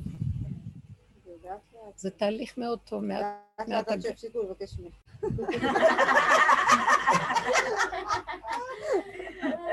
לא, לא באים לך, כאילו לא באים, לא מבקשים. בעל הבית לא בבית. תפסיקו לבקש. וואי, זה דבר מדהים. יש סוכר כבר. בייחוד לא באים אנשים שיש להם את ירוק. הנטייה להתנדב ולרצות, והם אוהבים לרצות, הם צריכים לחיות את הסכנה שלהם. כל הריצוי הזה זה האויב הכי גדול של השם. הריצוי. זה האויב הכי גדול, באמת. לעניין, תבדילו בין עץ הדעת טוב בינינו לבין העולם, שזה טוב לרצות ולשמח את הבריות, והחשבונאות הזאת, כדי לעשות טוב בעולם, לבין גילוי השם. אנחנו עובדים על מנת לעודד גילוי מלכות השם. וכל זיק של שקר וגניבה והונאה, מסלק אותו. אין אני והוא יכולים לדור בכפיפה אחת, ותבינו את ההבדל בעבודות. הכל אצלנו זה באמת לאמיתה עם עצמנו ללא שום כחל וסרק של הבחוץ. זאת עבודה של אנשי אמת, סליחה. אם אנחנו לא מבררים את הנקודה של אנשי אמת בדבר, אז זה דיבורים, סיפוקים מדיבורים יפים. האדם צריך להישאר, זה עובדי השם. כתוב, אה, איפה זה כתוב? ושכחתי את הצורה של הפסוק, אבל אה, שאז יהיה ניכר בין עובד השם לאשר לא עבדו. ואמרו חז"ל, מה זה עובד השם לאשר לא עבדו? אז הם נתנו דוגמה, זה ששונה את פרקו מאה פעמים, זה לא עבדו. מי שעבדו, מאה ואחת פעמים. תוסיף על המאה עוד פעם אחת. זה מי שעבדו. כלומר, מאה פעמים, טוב, זה עוד הגבול שלי לעבוד מאה פעמים. אבל נגמר לך, נגמר, כלום, תן עוד נקודה אחת. זה שה-49 עד הקצה הסוף. אז הוא אומר, זה נקרא, אז יהיה, יהיה ניכר בין מי זה עובד השם למי שלא עבדו. זה מי שיצא מעץ הדת החיובי, והגיע למקום של להישחט, כי בין המאה למאה ואחד צריכים להישחט. לשחוט את היסוד הזה של, אה, אני כבר עשיתי את המאה, אני כבר סגרתי את הסידור, התפללתי, אני כבר זה, עשיתי זה, זה מונח לי, אני מביא את זה. לא התחלתי כלום. תתחיל את האחד פעם הבאה של אחרי המאה. זה לא פשוט. אין חשבון במקום הזה. לא, אולי תדגישי גם את המקום של הסיבות, שהסיבות מובילות. נכון. שם מתחיל. להתגלות המקום, אם אדם אה. נותן את העצירה של מציאותו, של החשבונאות של עץ הדעת שלו, והוא נכנס לוויד הזה, כאילו שקט, שממה מסוימת, שם יכול להתגלות השם. הוא הוציא אותנו למדבר ממצרים, שהיא עץ הדעת רוכש, תרבות העמים, למדבר, שממה, ושם נתן את התורה והתגלה. לתת לו את המדבר, להיות בשממה הזאת, ובלי להתבלבל. איך אפשר להיות במדבר מבלי לא לתת ממשות? צריך להיות לנו אבל משהו שמושך אותנו מלמטה, עייפות מהעולם, ההתבוננות, האנשים עייפים, הם רואים, הרבה אנשים. הדור החדש שבא, הוא מונח שם. הוא עייף מכל הכיסויים והטריקים והשטיקים וכל השקרים של העולם, והוא רוצה להיות פשוט משהו, ולא אכפת לו. מה יגידו, איך יגידו, לא איך ייראה, לא ייראה, מה ייראה. יש משהו פשוט ואמיתי. ברור שלא יגדלו ואחר כך יתערבבו בעולם של השקר, אבל יש איזה משהו שכבר, העבודות האלה שנעשו בדורות האחרונים, הם החלישו את המקום הזה של השקר בעולם, והדורות הבאים שבאים עכשיו, הם באים רפואיים, לא אכפת להם איך ייראו, לא מוכנים לתת חשבון אה, כמו שהדורות שלנו. אה, הבושה אה, ירדה ונעלמה, כאילו הבושה נעלמת. תקשיבו, ביישנים רחמנים וגומלי חסדים, זה סימנם של היהודים. אין היום בושה. אין בושה. אה, רחמנות, תסתכלו מה הולך, ניכור גדול, כל אחד לעצמו. וגומלי חסדים, גם החסד הוא דמיון כזה שעוד רוצים להשיג איזה משהו, אבל באמת, באמת, אם נוגעים בנקודת האמת, אף אחד לא רוצה לעשות כלום לאף אחד. ואתם יודעים משהו? רק דור כזה יביא את הגאולה. כי השילו את כל החשבונאות של עץ הדת החיובי, ואומרים את האמת, אנחנו לא, ופתאום את מסתכלת ורואה. כל מה שאמרו שלושת התכונות האלה, הם תכלית עיקר היהדות כדי לתקן את העולם, ולהביא לעולם סדר, חוק, משפט. תורת משפט, חוק וסדר של התורה, כדי שזה קצת יסדר שהעולם יהיה נורמלי, וכל הדתות קיבלו מחוק התורה, ונהיה בעולם סדר, זה לא מה שהיה. היו הורגים ברחובות, ולא היה דין ולא היה צדק. היהדות הייתה הכי ברמה של צדק ויושר. היום בעולם יש מה שנקרא משפט, לא חשוב שזה חיצוני ובפנים. גם בתוך היהדות איבדנו את האמת של הדבר גם, אבל עדיין אנחנו נמצאים במצב חיצוני מסוים. מהדור האחרון השתלשל לבפנים, הבפנים יתחיל להבין, זה היה התיקון של עץ הדת, סור מרע עשה טוב כדי שאפשר לחיות בעולם. אני עייף מהעולם, אני רוצה אור אחר, בורא עולם. הצעירים יגידו, אני לא רוצה את זה, אני רוצה משהו. אז הם, לא, הם ירדו לילד הקטן שבהם, והם לא יתביישו להגיד, אבל זה לא מתאים לי, אני רוצה מה שטוב לי, מה שטעים לי, מה שמתאים לי, מה שאני רוצה. ירדו לאנוכיות הפשוטה, והיא לא אנוכית. הלב שם אומר, כי כך ברא השם את האדם, שמשהו שלא קרוב אצלו הכי הרבה, והוא מחבב את שלו ואת מה שקשור איתו יותר מהכל, וככה השם ברא אותו. אבל עץ הדת שנכנס לעולם, ועוד וייתם כאלוקים, אנחנו צריכים להיות כמו אלוקים, האלוקים נותן לכולם, אז גם אני צריך לחכות את האלוקות והכל. זה התיקון הזה של כל הדורות, מה שהחזיק פה ביהדות את העולם. אז ביישנים, רחמנים, בסוף יקום ילד קטן ויגיד, אני לא מתבייש, כי זה מה שאני, ככה הוא ברא אותי. הוא לא יעשה רע בעולם ויגיד, לא אכפת לי, אבל הוא יישאר עם, עם ההוויה הפשוטה שלו, בלי לטפח גדלות עצמית ואיזה מדרגות וחשיבות, ולא אכפת לו להיות פשוט שאין לו כלום. הוא לא מחפש שום דבר. הוא גם לא יזיק בשלב הזה לעולם, כי נגמר התיקון הזה של אה, להוציא את הרע החוצה. זה לא יצא החוצה באמת באמת, כי נעשה איזה משהו שהעולם מאוד מאוד התעייף ונהיה קטן ופשוט. אלה שעובדים בשורשים זה משהו אחר, אבל אלה שיורדים עכשיו, באים דורות אחרים, שמגלים את עצמם כמו ילדים קטנים, לא אכפת להם, לא רוצים, זה מה שהם, ולא רוצים. אה, זה כבר, תדעו לכם, אני מסתכלת על העולם, מה שפעם היה נורא מזעזע, כבר לא מזעזע אותי.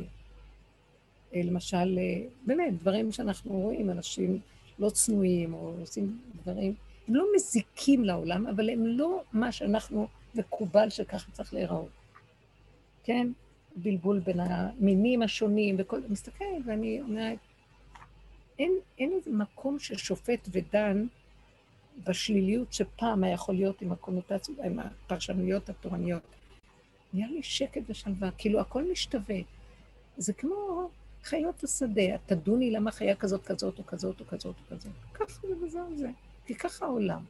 זה כבר לא מקלקל כמו שאנחנו פעם, שחשבנו כי המחשב, מה שאנחנו נותנים גושפנקה לדבר שלילי, זה מקלקל.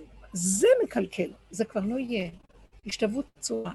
זה ילך ויעלם מן העולם, כי לא נותן לזה כוח, זה גם ייעלם. העולם יחזור לסדר פשוט, ואני רואה שזה מתחיל להגיע בעולם. האדם חייב להיות נטול אה, רגש של תודעת עץ הדת. אז מאיפה הוא יחיה? איזה רגש יהיה לו? רגש שאנחנו רגילים, זה כמו של משהו, אה, כאילו הסיפור בחורת ויהיה פשוט, מלמטה תתגלה חיי אדם. בקטנה, רגע אחד נותנים לו איזה נקודת חיות, רגע אחד הנאה, רגע אחד שמחה, רגע קטן ונעלם, ולא רע לו. והוא לא מחפש סיפוקים וריגושים גדולים. זה הופך להיות ככה, הכל הולך להיות קטן וצמוד ופשוט, החיות תבוא ממקום אחר. מלמטה, צמח דוד עבדך תצמיח. לא המוח של עץ הדת, כי כבר הוצאנו ממנו את המיץ, הוא כבר בלון שאין בו כלום. סיכה והוא מתנדף. האוויר יוצא ממנו. אני, כן. בקשר למה שאמרת עכשיו, אז אה, בדיוק היום קיבלתי שיחת טלפון עם מישהי שקרובה אליי, והיא סיפרת לי משהו כזה מוזר כזה שנשמע על פניו. ומה שעלה בי זה ציניות, כאילו, לדבר. אבל היא אומרת לי, אני אמרתי לה, תשמעי, למה את מתקשרת אליי לספר לי את הדברים האלה? את מכירה אותי, ומה שיוצא ממני זה ציניות, כאילו, אני אומרת לה.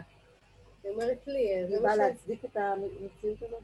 היא מספרת על החוויה שלה, היא מספרת לי על היחסים פתוחים שהיא נמצאת בהם ועל כל מיני דברים כאלה, ואני אומרת לה, מה אתה עושה ממני? זה לא קשור אליי עכשיו. אה." אבל היא מתקשרת כל פעם לשתף אותי בכל הדברים המוזרים שהיא עוברת בחיים. ואז לי ציניות כזה לדבר, ואני אומרת לה, קשה, היא מעלה לי ציניות. אז היא אומרת לי, את את באמת צינית, והיא אומרת לי, ציניות זה תכונה רעה, היא אומרת לי, את. לא מתרגש ממני, לא אכפת לך ממני, את לא משתתפת איתי, את תומכת בי. את. לא מצדיקה לא מכבדת את לא- אותי. אבל אז מה זה הציניות הזאת? לא יודעת, איך אני, כאילו, אני ניסיתי כאילו ל- להגיד לה ככה. תקשיבי, תקשיבי, ראיתם, ראיתם מה קורה פה? כאילו מישהו מתקשר אליי, כן. מישהו פוגש אותך בחוב, היי, מה נשמע, מה נשמע, תשמעי ומתחיל לספר לי. סליחה, שאלת אותי אם אני מוכנה לשמוע את כל מה שאת רוצה לספר לי עכשיו? פגשת אותי, מה, אני חייבת לך עכשיו כל מה ש... את החושים שלי, את האוזניים, את הזה, ולהקשיב לסיפור? לא, אז לא אכפת לך ממני, לא כלום. לא, לא אכפת לי. סליחה, יותר אכפת לי מהרגע שלי עכשיו, אני צריכה ללכת לאיזה מקום. אין אמת יותר יפה מזאת, ואז ההוא ישתתק עם כל הקשקושים שלו. אז כל אחד עכשיו ישפוך את כל מה שהוא מתרגש ומרגיש, ואז ההוא צריך להתערבב איתו ולתת לו עצות, ואז הוא אומר לו, אתה לא מבין אותי, ואז הוא יתחיל... תקשיבו, אה, הזוי איך שהחיים נראים פה. זה מה שאני אומרת, אבל אז את תגידי- אומרת זה משתווה הצורה. כשאת רואה את הדבר הזה, את לא רואה, יש לך איזו השתוות נפש. את יודעת מה זה השתוות הצורה? לא. אני אגיב לרגע, איך אני אגיד, ליבי, אין לי כוח להגיד כלום.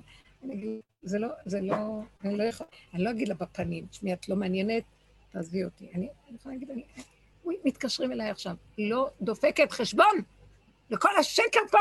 למה שאני אהיה הקורבן של כל השקר? אה, זורקים עליו את כל השטויות והבלים, והוא צריך להתהלך עם האדם ולדאוג למצבו הנפשי, הרוחני, הרגשי וכל מה שהשכלי. ובואי תגידי מילה, ישר תהיה סתירה, ישר יתחיל ויכוח. כאילו, סליחה, זה כל כך מלאה, את כולם, ההתנהגות פה, זה אין לא בה טיפת. אמת. לא אין בה. טיפת... את יודעת מהי האמת? שנפגשים עם אדם, ואין דבר על כלום. יכול להיות שהוא רוצה להגיד איזה מילה, ויש איזה משהו שאני אעזור לו באיזה מילה שאנחנו משתווים ברמות ובנקודה. שמעניין. יותר מזה להתחיל לגלוש לכל מיני מצבי נפש, כל אחד והעניין שלו. לפעמים יש לנו תפקיד ששמח לעזור, ולפעמים נגמר המקום הזה, גם העזרה הזאת, היא מטפחת כאן את המסכנות של העולם, ולא נגמר הדבר הזה. כולם רוצים למטפלים ויועצים, והכול התרבתה ההונאה הזאת שלא אבל נראה לי נגמרת. שמה שאת מדברת על השתלבות הצורה, זה לא שאני רואה ואני אומרת, הכל בסדר, אני מכבדת את דעתו, זה לא שזה הכל בסדר, זה פשוט ככה זה, ואין לי כוח להתעסק עם זה. ואני לא... אתם לא יודעים מה זה השתוות הצורה? השתוות הצורה זה נעים לי, משהו שיפריע לי, זה לא השתוות. קודם כל אני, שיהיה לי לא, טוב. אם הרי- זה- לא, למה את קוראת לזה ציניות? בכלל לא חשבתי לקרוא לזה זה ציניות? למה? שמת על זה מילה ציניות? זה לא היה ציניות, זה היה פשוט, מה זה קשור אליי? את תופסת אותי במקום אחר. אבל זה לא, לא היה קשור אליי, אבל זה הצחיק אותי, מה שהיא מספרת. זה לא נקרא ציניות, זה נקרא שאני נמצאת במקום אחר. מה שאת מספרת לא קשור למהלך קשור, שלי עכשיו. כן. למה אני צריכה להיכנס למהלך שלך? זה עריצות, זה שתלטנות. בני אדם משליטים את המציאות שלהם, ואם לא, אה, לא אכפת לך ממני, את אה, קרה, את לא מתייחסת. לא, סליחה. אבל אמרתי לה את זה, אמרתי לה את זה, אני לא מבינה, מתקשרת אליי כל הזמן, ספר לי את השטויות האלה שלך, זה לא מעניין אותי, וזה כאילו... גם לא צריך לפעמים להגיד את זה לאדם, לא, תתחמקו. אין לזה סוף, כי היא תעלה והיא תיפגע, היא במקום אחר. תתחשבו לא לפגוע באנשים, אין עניין לפגוע בהם. יש אדם שמחפש יותר אמת, הוא בא לך עם השטויות שלו, אז את יכולה לזרוק לו מילה. רב אושר היה שוחט. הייתי נכנסת לבוא, היה שוחט אותי בשנייה במילה שלו. למה? כי הגעתי אליו, את מחפשת אותי? מי שבא, מי שבא. אליי, היא לא מחפשת... אבל לא היא לא רוצה באה רק לך לבקש לחפש לא באה אמת, היא לבקש באה אמת. לך- היא לא חיפשה אותך מטעם האמת, היא לא חיפשה את לשתף חברה. ככה זה היחסים פה, כל אחד מקשקש קישושים, ויש עולם מלא הבלים, וכל אחד עם כל ההבלים שלו. מתפתח כאן, יש כאן המון הבלים שהם. כבר מעייפים.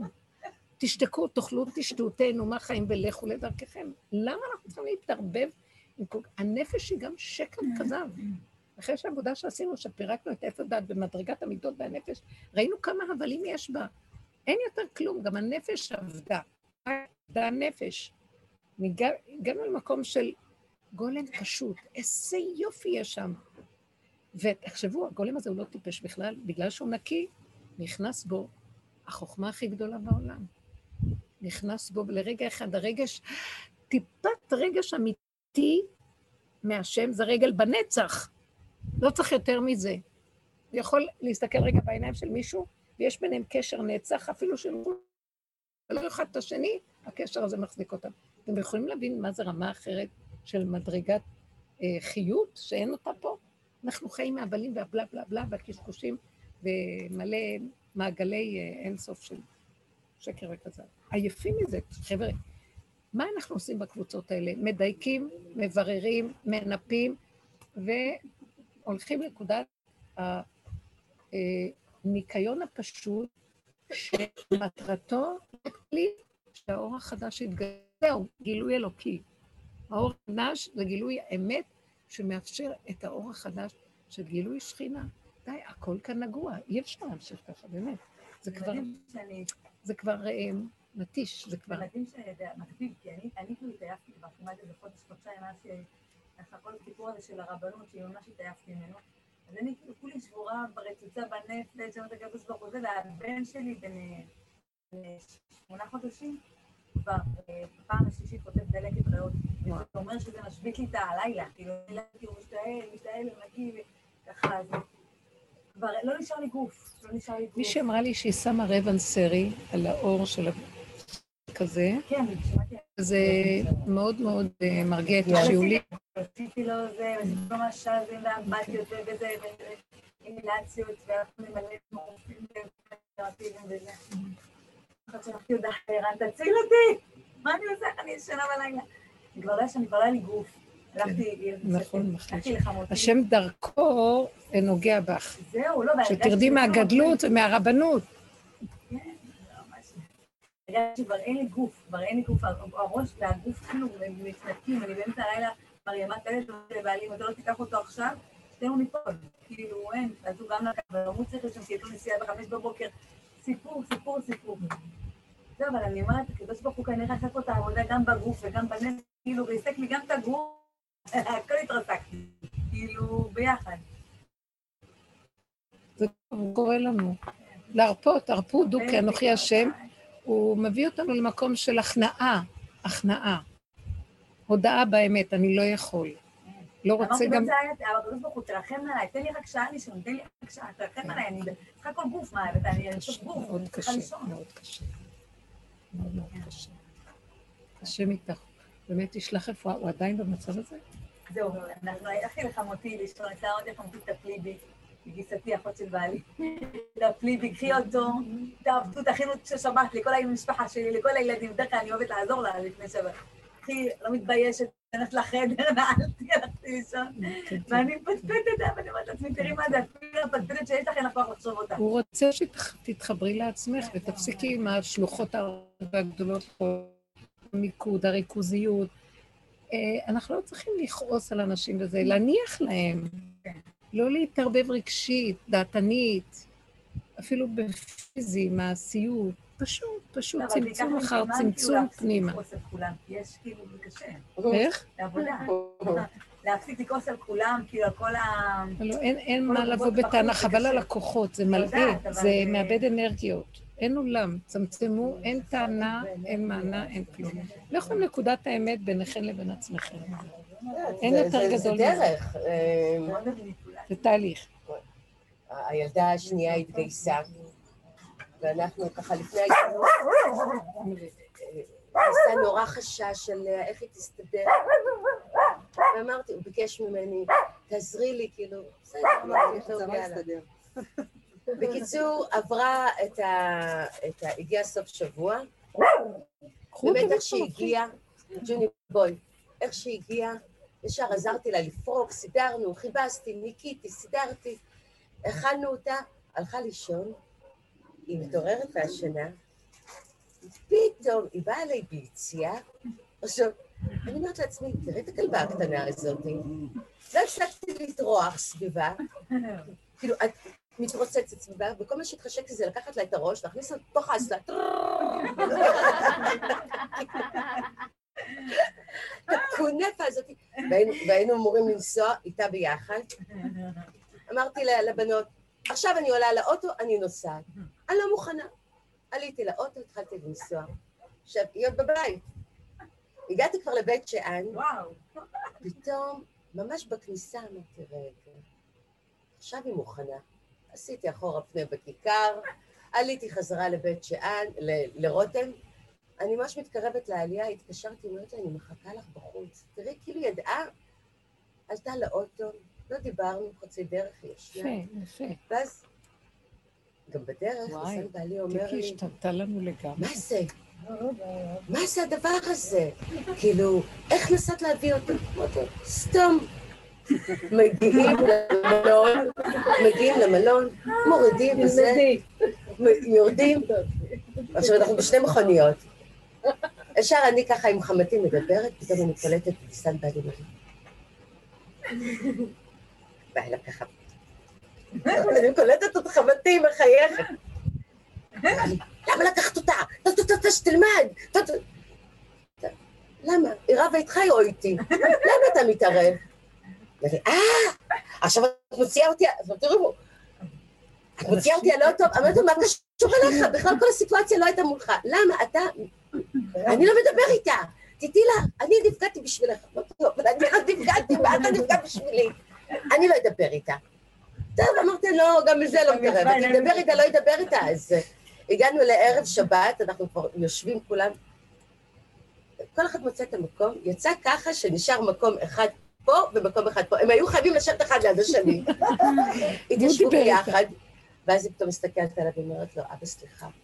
יאללה, את יודעת מה, כבר סלחתי, אם אמא סלחה לך כבר מזה, אז סלחתי לך. והנה נגמר, ואז... יפה. אבל הייתה את הרגע, את הסיטואציה הזאת, שכאילו אמרתי, אני לוקחת לה את הראש, מכניסה אותו לתוך האסלה, ממש מנעקת אותו, מנקה את האסלה כמו שצריך עם הראש שלה. כאילו, אומרת, ולא משנה מה אתה עושה, כי בסדר, זאת הילדה שלך. ככה היו עושים בגרוזיה. נכון, עם הראש, עם השערות, כמו שצריך. אבל הנה עבר, תראי, אם זה היה קורה לי לפני שנים, הכעס, נכון, את עליה הייתי שמה, הייתי מקלחת אותה, מסיימת, מכניסה אותה לתוך בלי, הייתי שמה אותה בשירותים, טובלת מוציאה. אבל אני אומרת, תראי, בפשטות, כי שנים יכלתי להיות, לא, לא לדבר, אותך ואז כל השבת הייתה. הולכת. והנה פה, נסגר, נסגר, נסגר. מהנקמנות הנוראית, תראו איזה רכות. המידות, זו עבודה מדהימה, היא עבודה מדהימה. הם, הם, הם מנפה, מבררת, ומשאירה אותנו קטנים, פשוטים, והאמת מתגלה. אני צריכה רגע רגע. הייתי מסבנת את זה. תעשי סטנדאפ בינתיים בפרסומות. אה, אפרופו סטנדאפ, היום בעקבות הסטנדאפ, היום עליתי להצעה. התאפלתי, נכון? בדרך כלל אני עולה להרצאה, אני רגע לפני הרצאה, אני מה זה לדבר. לא, בואי תראי, בגלל זה נרדמתי. עשיתי 11 אישר. רק גברים. 11 גברים עשיתי. גברים עובדים קצת אחר אבל היום זה היה מטורף. איך שהגעתי, הלכתי לישון. רגע. ועשרים. כן, לא, אם לא היית מתקשרת הייתי שנה, ככה הייתי.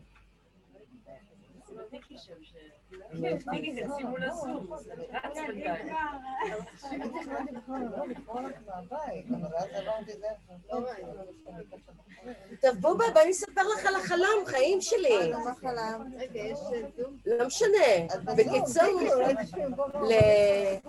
לפנות בוקר, בואי לפה ג'וני. ג'וני, זה בלוט, לפנות בוקר אנחנו נפגשות למעלה בשטח, ואת עומדת בשטח ואומרת, פה בכל הדבר הזה אני בונה בריכה ענקית. ואז אריה בו אומר, לא צריך בריכה, כבר עשיתי לך ביוב ענק, ונצא ביחד לביוב. אז אני אומרת לו, אבל למה לביוב? אומר לי, בואי תראי איזה בור עשיתי לך. טוב, אז בואי ניכנס לבריכה.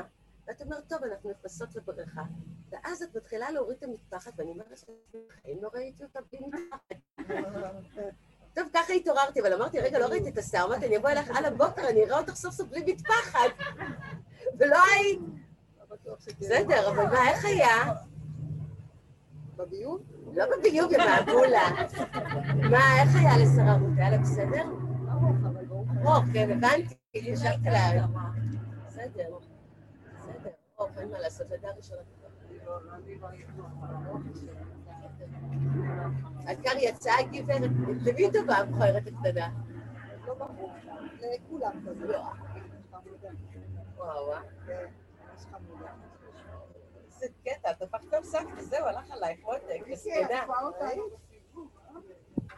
כן, ממי, התחילה לפנינו. לא. לא, היא יותר גדולה מטליה. שרה רות יותר גדולה מטליה, בשנה. שרה רות בת 22.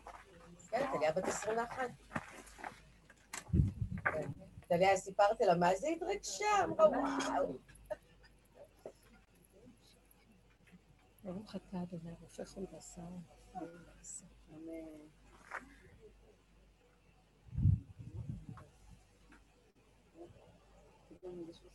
אנחנו בסוף הפרשיות של ספר במדבר, וזה פרשת מטות מסי, נגמרים המסעות של עם ישראל במדבר. כל המדבר מסמלת את הגלות. גלות, מדבר העמים זה נקרא. עם ישראל נמצא היום במצב של סיום הגלויות. אנחנו פה בארץ ישראל ואנחנו בגלות. הגלות היא לא רק בגוף הדבר שאנחנו כבר בארצנו כביכול. התודעה שלנו היא תודעת העמים. תסתכלו רק דוגמאות שאנחנו מדברים, שאדם רואה איך הוא נראה. התבוננות אחת קטנה, איך אנחנו נראים בתגובות שלנו, מראה לנו את הגלות שלנו. הכאב, המצוקה מראה את הגלות. מה זה הגלות? צער, מצוקה, כאב, חשקת הגלות. יעלו שמיים, ירדו תאומות, נפשם ברעה תתמוגג. אה, מלא צער כל הזמן. המהלך הזה עומד להסתיים. אין לנו כוח לשום צער. לא יכולים להכיל את הרוע. עכשיו, הרוע לא קיים, זה הפרשנות שנותנת לו כוח ויונק דרכנו. אנחנו יוצרים את המציאויות האלה. אנשים הרגו, החריבו פה את הכדור. מדבר לדבר לדבר לדבר, נהיה מעבה חושך פה, מהפעולות הקשות של הבן אדם, שהמוח משכנע אותו. כאשר באמת ברגע אחד מתאפק, לא היה ולא נברא. שימו לב, רגע אחד של איפוק כעס, באותו רגע נורא. רגע אחד של איפוק, אחרי רגע את אומרת, וואי, איך כעסתי, לא יכול להיות. קרה לי, יש כזה חוויות ש... רגע אחד, אותו רגע תגובה קשה של טיקי, אני יוצאת מהבית, לא יעזור כלום. האש לא נותנת לה מנוחה, היא יוצאת. מגיעה לשם, מתקררה. לקח לה כמה קילומטרים. כן. אנחנו שואפים לנשום בנשימה אחרי רגע, בוא נגיד, עד שנגיע למקום של כלום. סיפרתי לכם את הסיפור עם רב אושר, שיצא מהדלת, כולו כעס על הזקנה הזאת שהציקה דווקא בדלת עם המקל שלה, וזאת שראתה, אמרה לי, היה לו פנים של רציחה, מרוב כעס. זה רב אושר, זה הרבי שלי, לא האמנתי שזה רב אושר. הוא חזר לחדר, חמש דקות אחרי זה הוא יוצא עם מגש מכל טוב השבע ברכות שהיו בבית, ומחפש את הקשישה שכבר בעצם, הוא ידע שהיא תחזור, כי המקל שלה היה זרוק שם. והיא אומרת, מלאך השם צבקות, איך הוא עבר מהמצב הזה למצב הזה, בתוך פחות מכלום זמן. והיא אמרה, זה, זה היה הלימוד הכי גדול שראיתי, שאיך לא לתת ממשות לכלום, מה שלא עוברים, והחכם, אחד ידפוק את הראש שלו חמישים פעם, במי ניכר זה מזה, שזה דפק אותו פעמיים וזה חמישים פעם, וזה למד את זה אחרי פעמיים. וזה כל העבודה שהדרך הזאת מביאה אותנו, ומה יגרום לחכם לא לדפוק את הראש יותר מפעמיים? תקשיבו, בנות, תאמצו את זה. הוא, הוא קשור לבשר ודם שלו, והוא לא יכול לסבול כאבים, הוא לא מוכן להיות פראייר, לסבול צער ורוגז ומכאובים, זה לא ייגמר. אנחנו נמכרים לצער, מטפחים אותו, מזינים ומשמינים אותו, המסכנות והרחמנות העצמית, ומה לא. וקחו את זה מאיתנו עכשיו, קחו מעם ישראל את הגלות. כפרת עוונות, אני אמרתי למישהי, תפסיקי להגיד כפרת עוונות. מה את אומרת? כאילו, זה המעלה, להגיד כפרת עוונות. שתקתי, ולא יכולתי להגיד יותר כלום. כל הזמן לסבול בשביל כי הכפרה הזאת מביאה עוד עוון, ועוון מביא כפרה, והכפרה עוון, ועוון כפרה, וכפרה עוון, ומעוות לא יוכל לתקון. כי עת לשמוח ועת לבכות, ועת שלום ועת מלחמה, ועת כזאת ועת אחרת, ועת להרוג ועת ל... אין לזה סוף פה. זה ככה המנגנון עובד. אין לי כוח לספק לסבול בשביל שאחר כך יהיה טוב, ותסבול עכשיו, שאחר כן, כך תסבול, נכון. וזה לא נגמר. אז אני כבר מתנדבת לסבול עכשיו כדי שאחר כך. עצם זה כבר מזמין שיהיה סבל נוסף, כי יהיה אחר כך. והדבר הזה חייב להיפסק. האדם נותן את הממשות המשמעות לכל המציאות הזאת, וזה התודעה, זאת תודעת הגלות, ואם אנחנו לא נפסיק אותה, היא לא תיפסק. אז יותר קל להוציא את היהודי מהגלות מאשר הגלות מהיהודי. והיהדות זה הגלות. כל כוחה של היהדות זה בזמן החושך והגלות, כדי לעשות סדר בעולם, לטהר את הטמא, להתיר את האסור, אה, לברר בין האסור והמותר. ובסופו של דבר, אני שמתי לב, לעולם שלא ייפסק המקום הזה. כאשר אנחנו נחליט שאין לא טמא ולא טהור ואין כלום. מה זאת אומרת אין כלום? כתוב עתידים כל האיסורים להתבטל. אין אסור. עתידים הקורבנות להתבטל. עתידין המועדות להתבטל. מה פירוש הדבר? פירוש הדבר שהמשמעות של הדבר, התודעה של הדבר תתבטל. כי אף פעם אין, הכל נשאר אותו דבר. מה זאת אומרת? אנחנו אומרים, שבשבת אנחנו אומרים, הלוואי ונזכה ליום שכולו שבת, נכון? יהי רצון שנזכה ליום שכולו שבת. כל יום יהיה שבת. השם יתיר את האסורים, מה הכוונה? לא יהיה דבר שיהיה מותר ודבר שיהיה אסור.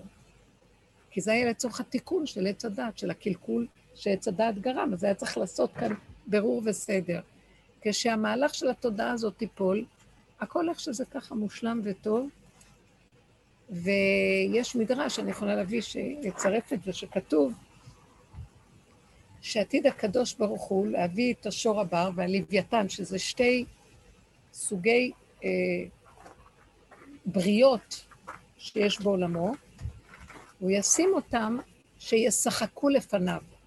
משתעשע, כמו שהמלכים היו משתעשים בחיות שהם, שביניהן מתקדשות. ושור הבר, עם הקרניים שלו, מנגח את הלוויתן ונוח... ועושה לו פצעים עד זוב דם. והלוויתן לוקח את הסנפירים שלו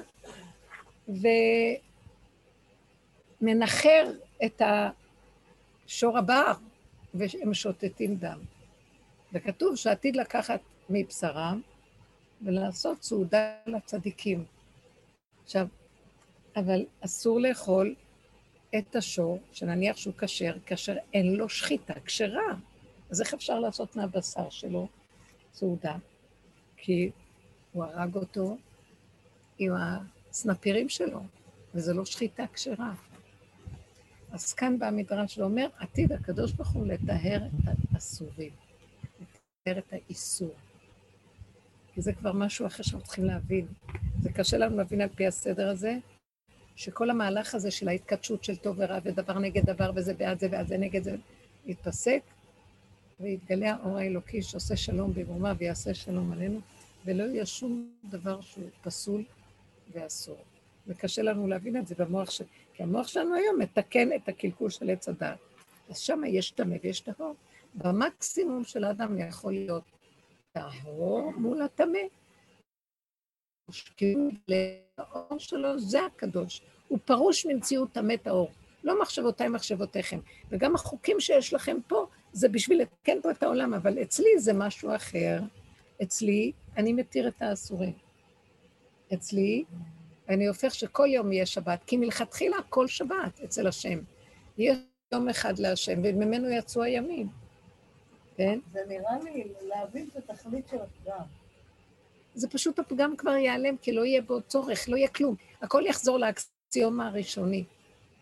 השם אחד ושמו אחד, וכל הריבוי, וזה יתפסק, אז לא צריך לעשות סדר בבלבול. כי לא יהיה בלבול, הכל יתפרק, לא יהיה כלום. הכל יחזור לאקסיומה הראשונית, זה מאוד יפה.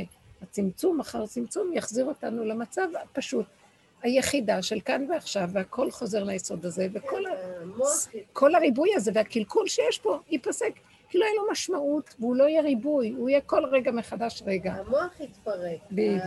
התודעה הזאת תתפרק, ואז יחד איתה יתפרק כל המהלך הזה, ויישאר דבר פשוט, נקי, שמח. הנברא והבורא יתקללו ייחוד קודשא בריחו שכינתה, ייחוד עם ישראל עם השם, ישראל קודשא בריחו אור הייתה חד, הכל יתחבר לאחדות, ונגמר כל הריבוי הזה וכל הדבר והיפוכו, וכל הסור מרע ועשה טוב, וכל המהלך של החיים, איך שאנחנו חיים היום, זה הגאולה בעצם, זה התכלית של הגאולה, לפרק את המשמעות הזאת. יישארו חוקות התורה, אבל הם יהיו ברמה אחרת. יהיה בהם האור האלוקי הנדרש, והם יחזרו ליסודות מאוד גבוהים בשורש שלהם. זה קשה לנו להבין את זה עכשיו. הם יחזרו לשורשים ולצמצום הראשוני, לא לריבוי של הריבוי של הריבוי של הריבוי. מהשנה, בזמן, משנה, משנה שלמה, יחזור להיות שישה ימי השבוע של, ש, ש, ש, של ששת ימי הבריאה, כי אין יותר ימים. מכל העולם הגדול והיבשות יחזור להיות ארץ ישראל, היסוד של הכול. לכן, מהאדם מלא מלא אנשים, יהיה רק אדם אחד. כל אחד ירגיש שהוא האדם הראשון. זה מה שיהיה, צמצום אחר צמצום לשורשים הבסיסיים הראשונים. נגמרו המלחמות, נגמרו, ה... נגמר להיות מאוים, אחד מאוים מהשני בגלל דמיון הריבוי וההתרגשות והמשמעות וכל השאר. זה יסוד הגאולה, שאנחנו נכנסים עכשיו לימות המשיח, ולאט לאט זה נכנס למקום הזה. האדם צריך לחוות את זה בתוכו כדי להגיע למקום הזה, ואז אם יש כמה כאלה שמכניסים את היסוד הזה, הכלים הנקיים, התודעה כבר יורדת והיא תעשה ישועה בעולם. היא כבר תתחיל לתקן ולגמור את הכל מעצמה. אבל תנו לי, הוא אומר, תנו לי רק, פיתחו לי כפתחון של מחט. תנו לי את הכלי שלכם שיהיה בו אפשרות שאני אתגלה במשהו. תתאמצו לא להיות שייכים לתוך הסערה הזאת של העולם, הגירוי תגובה וכל הרגשיות הזאת. תתקררו מזה, זה שקר. זה לא ייגמר עליכם. ואז אני בגלות, השכינה בגלות, היא רוצה להתגלות. היא מתחננת, תקימו אותי, תנו לי להתגלות. תלוי בעבודות שאנחנו עושים, ובסוף גם אפילו, בסוף צריך גם להשתדל בשב ואל תעשה כמו שבת. נגמרו המלאכות, נגמרו העבודות, נגמרו כל המהלכים האלה שהיינו עסוקים איתם הרבה, ובעזרת השם, לאט לאט מתחיל להתגלות אור חדש. מרגישים את זה כבר, מרגישים. תגידו משהו על בין המצרים. לא יודעת, אני, אני מאבדת את המשמעות. בין המצרים הוא נשאר במוח כמושג. אה, לא. הבין המצרים, הדרך הזאת סוגרת עלינו כל כך, והכניסה אותנו ב, בריבוע של הריבוע של, של הריבוע של בין המצרים. בין. ויום יום היינו בשלושת השבועות האלה. כמו עבודת יום הכיפורים של רב אושר היה, שואלים אותו איך להיות ביום הכיפורים, איך צריך להתנהג, הוא אמר כמו כל יום. כי כל יום אצלו היה יום הכיפורים. זה עבודת הכרת הפגם וההתבוננות וההכרה והפירוק. אז אם אנחנו חיים בצמצום של הצמצום של הצמצום, מביאים את עצמנו למקום הזה, שזו עבודה לא פשוטה, אנחנו מפרקים את הימים האלה. אני רואה שאני החורבן הכי גדול. מה אני אלך לחשוב שיש חורבן של בית מקדש? אני החורבן. אני רואה את המציאות שלי, את כל המידות, הקלקולים, ואני מודה בזה ועומדת עד שמתפרקת התודעה. וילד קטן לא יודע חורבן, לא חורבן, לא מעניין אותו כלום. הוא רוצה לחיות וליהנות ולהודות להשם. יש לו מקום של הכרת הטוב, והוא שמח בעולמו. מה שמראה שיש לו הכרת הטוב, זה החיות והשמחה שיש לילדים. זה החותמת שהם כל כך שמחים בעולמם. טוב להם וזהו. והשם ייתן להם הכל, והם לא חושבים, לא, מה, מה אתה מבקש? הוא כל היום רק מבקש דברים לעצמו, הילד. וזה טוב, ככה אומר, אני באתי בשביל זה, וייתנו לה מה שהוא צריך. זה המקום שאנחנו, לא חסר דבר בבית המלך, וזה המקום שאנחנו מגיעים אליו דרך העבודה הזאת. הלוואי. יש לכם עוד שאלה? אל תתבלבלי. זה שעוברים ורואים את עצמנו, לא להישבר מזה. תעזבי את, את המראה והמקל שיראו לך, אפילו שהם לא צודקים, ותתמקדי, אנחנו צריכים להתמקד במקום של מה שמראים לנו. הבהלה, הקורבניות, הכעס, התסכולים, זה הכל רגשיות יתר שנתנו עליה חותמות וגושפנקה והגדרנו אותם כך או אחר. ואל תתני להם ממשות. לאט לאט תפרקי את הממשות ויורד. אני זוכרת שהיו בנות אומרות לי, המשמעות של הנישואים מתפרקת, מה שהיה קודם. זאת אומרת, חווים תחושה של, אז מה הקשר בינינו?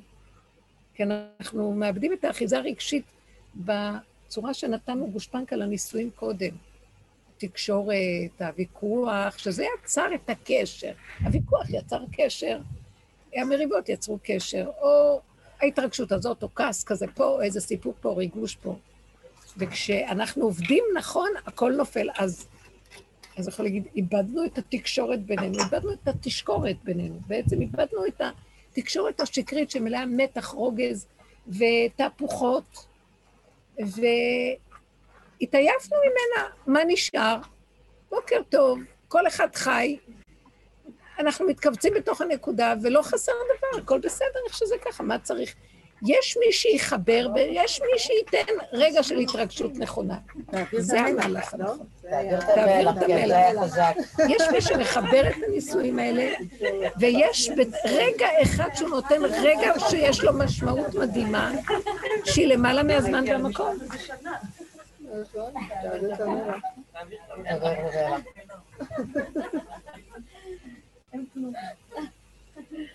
זה יפה. ככה זה צריך להיות.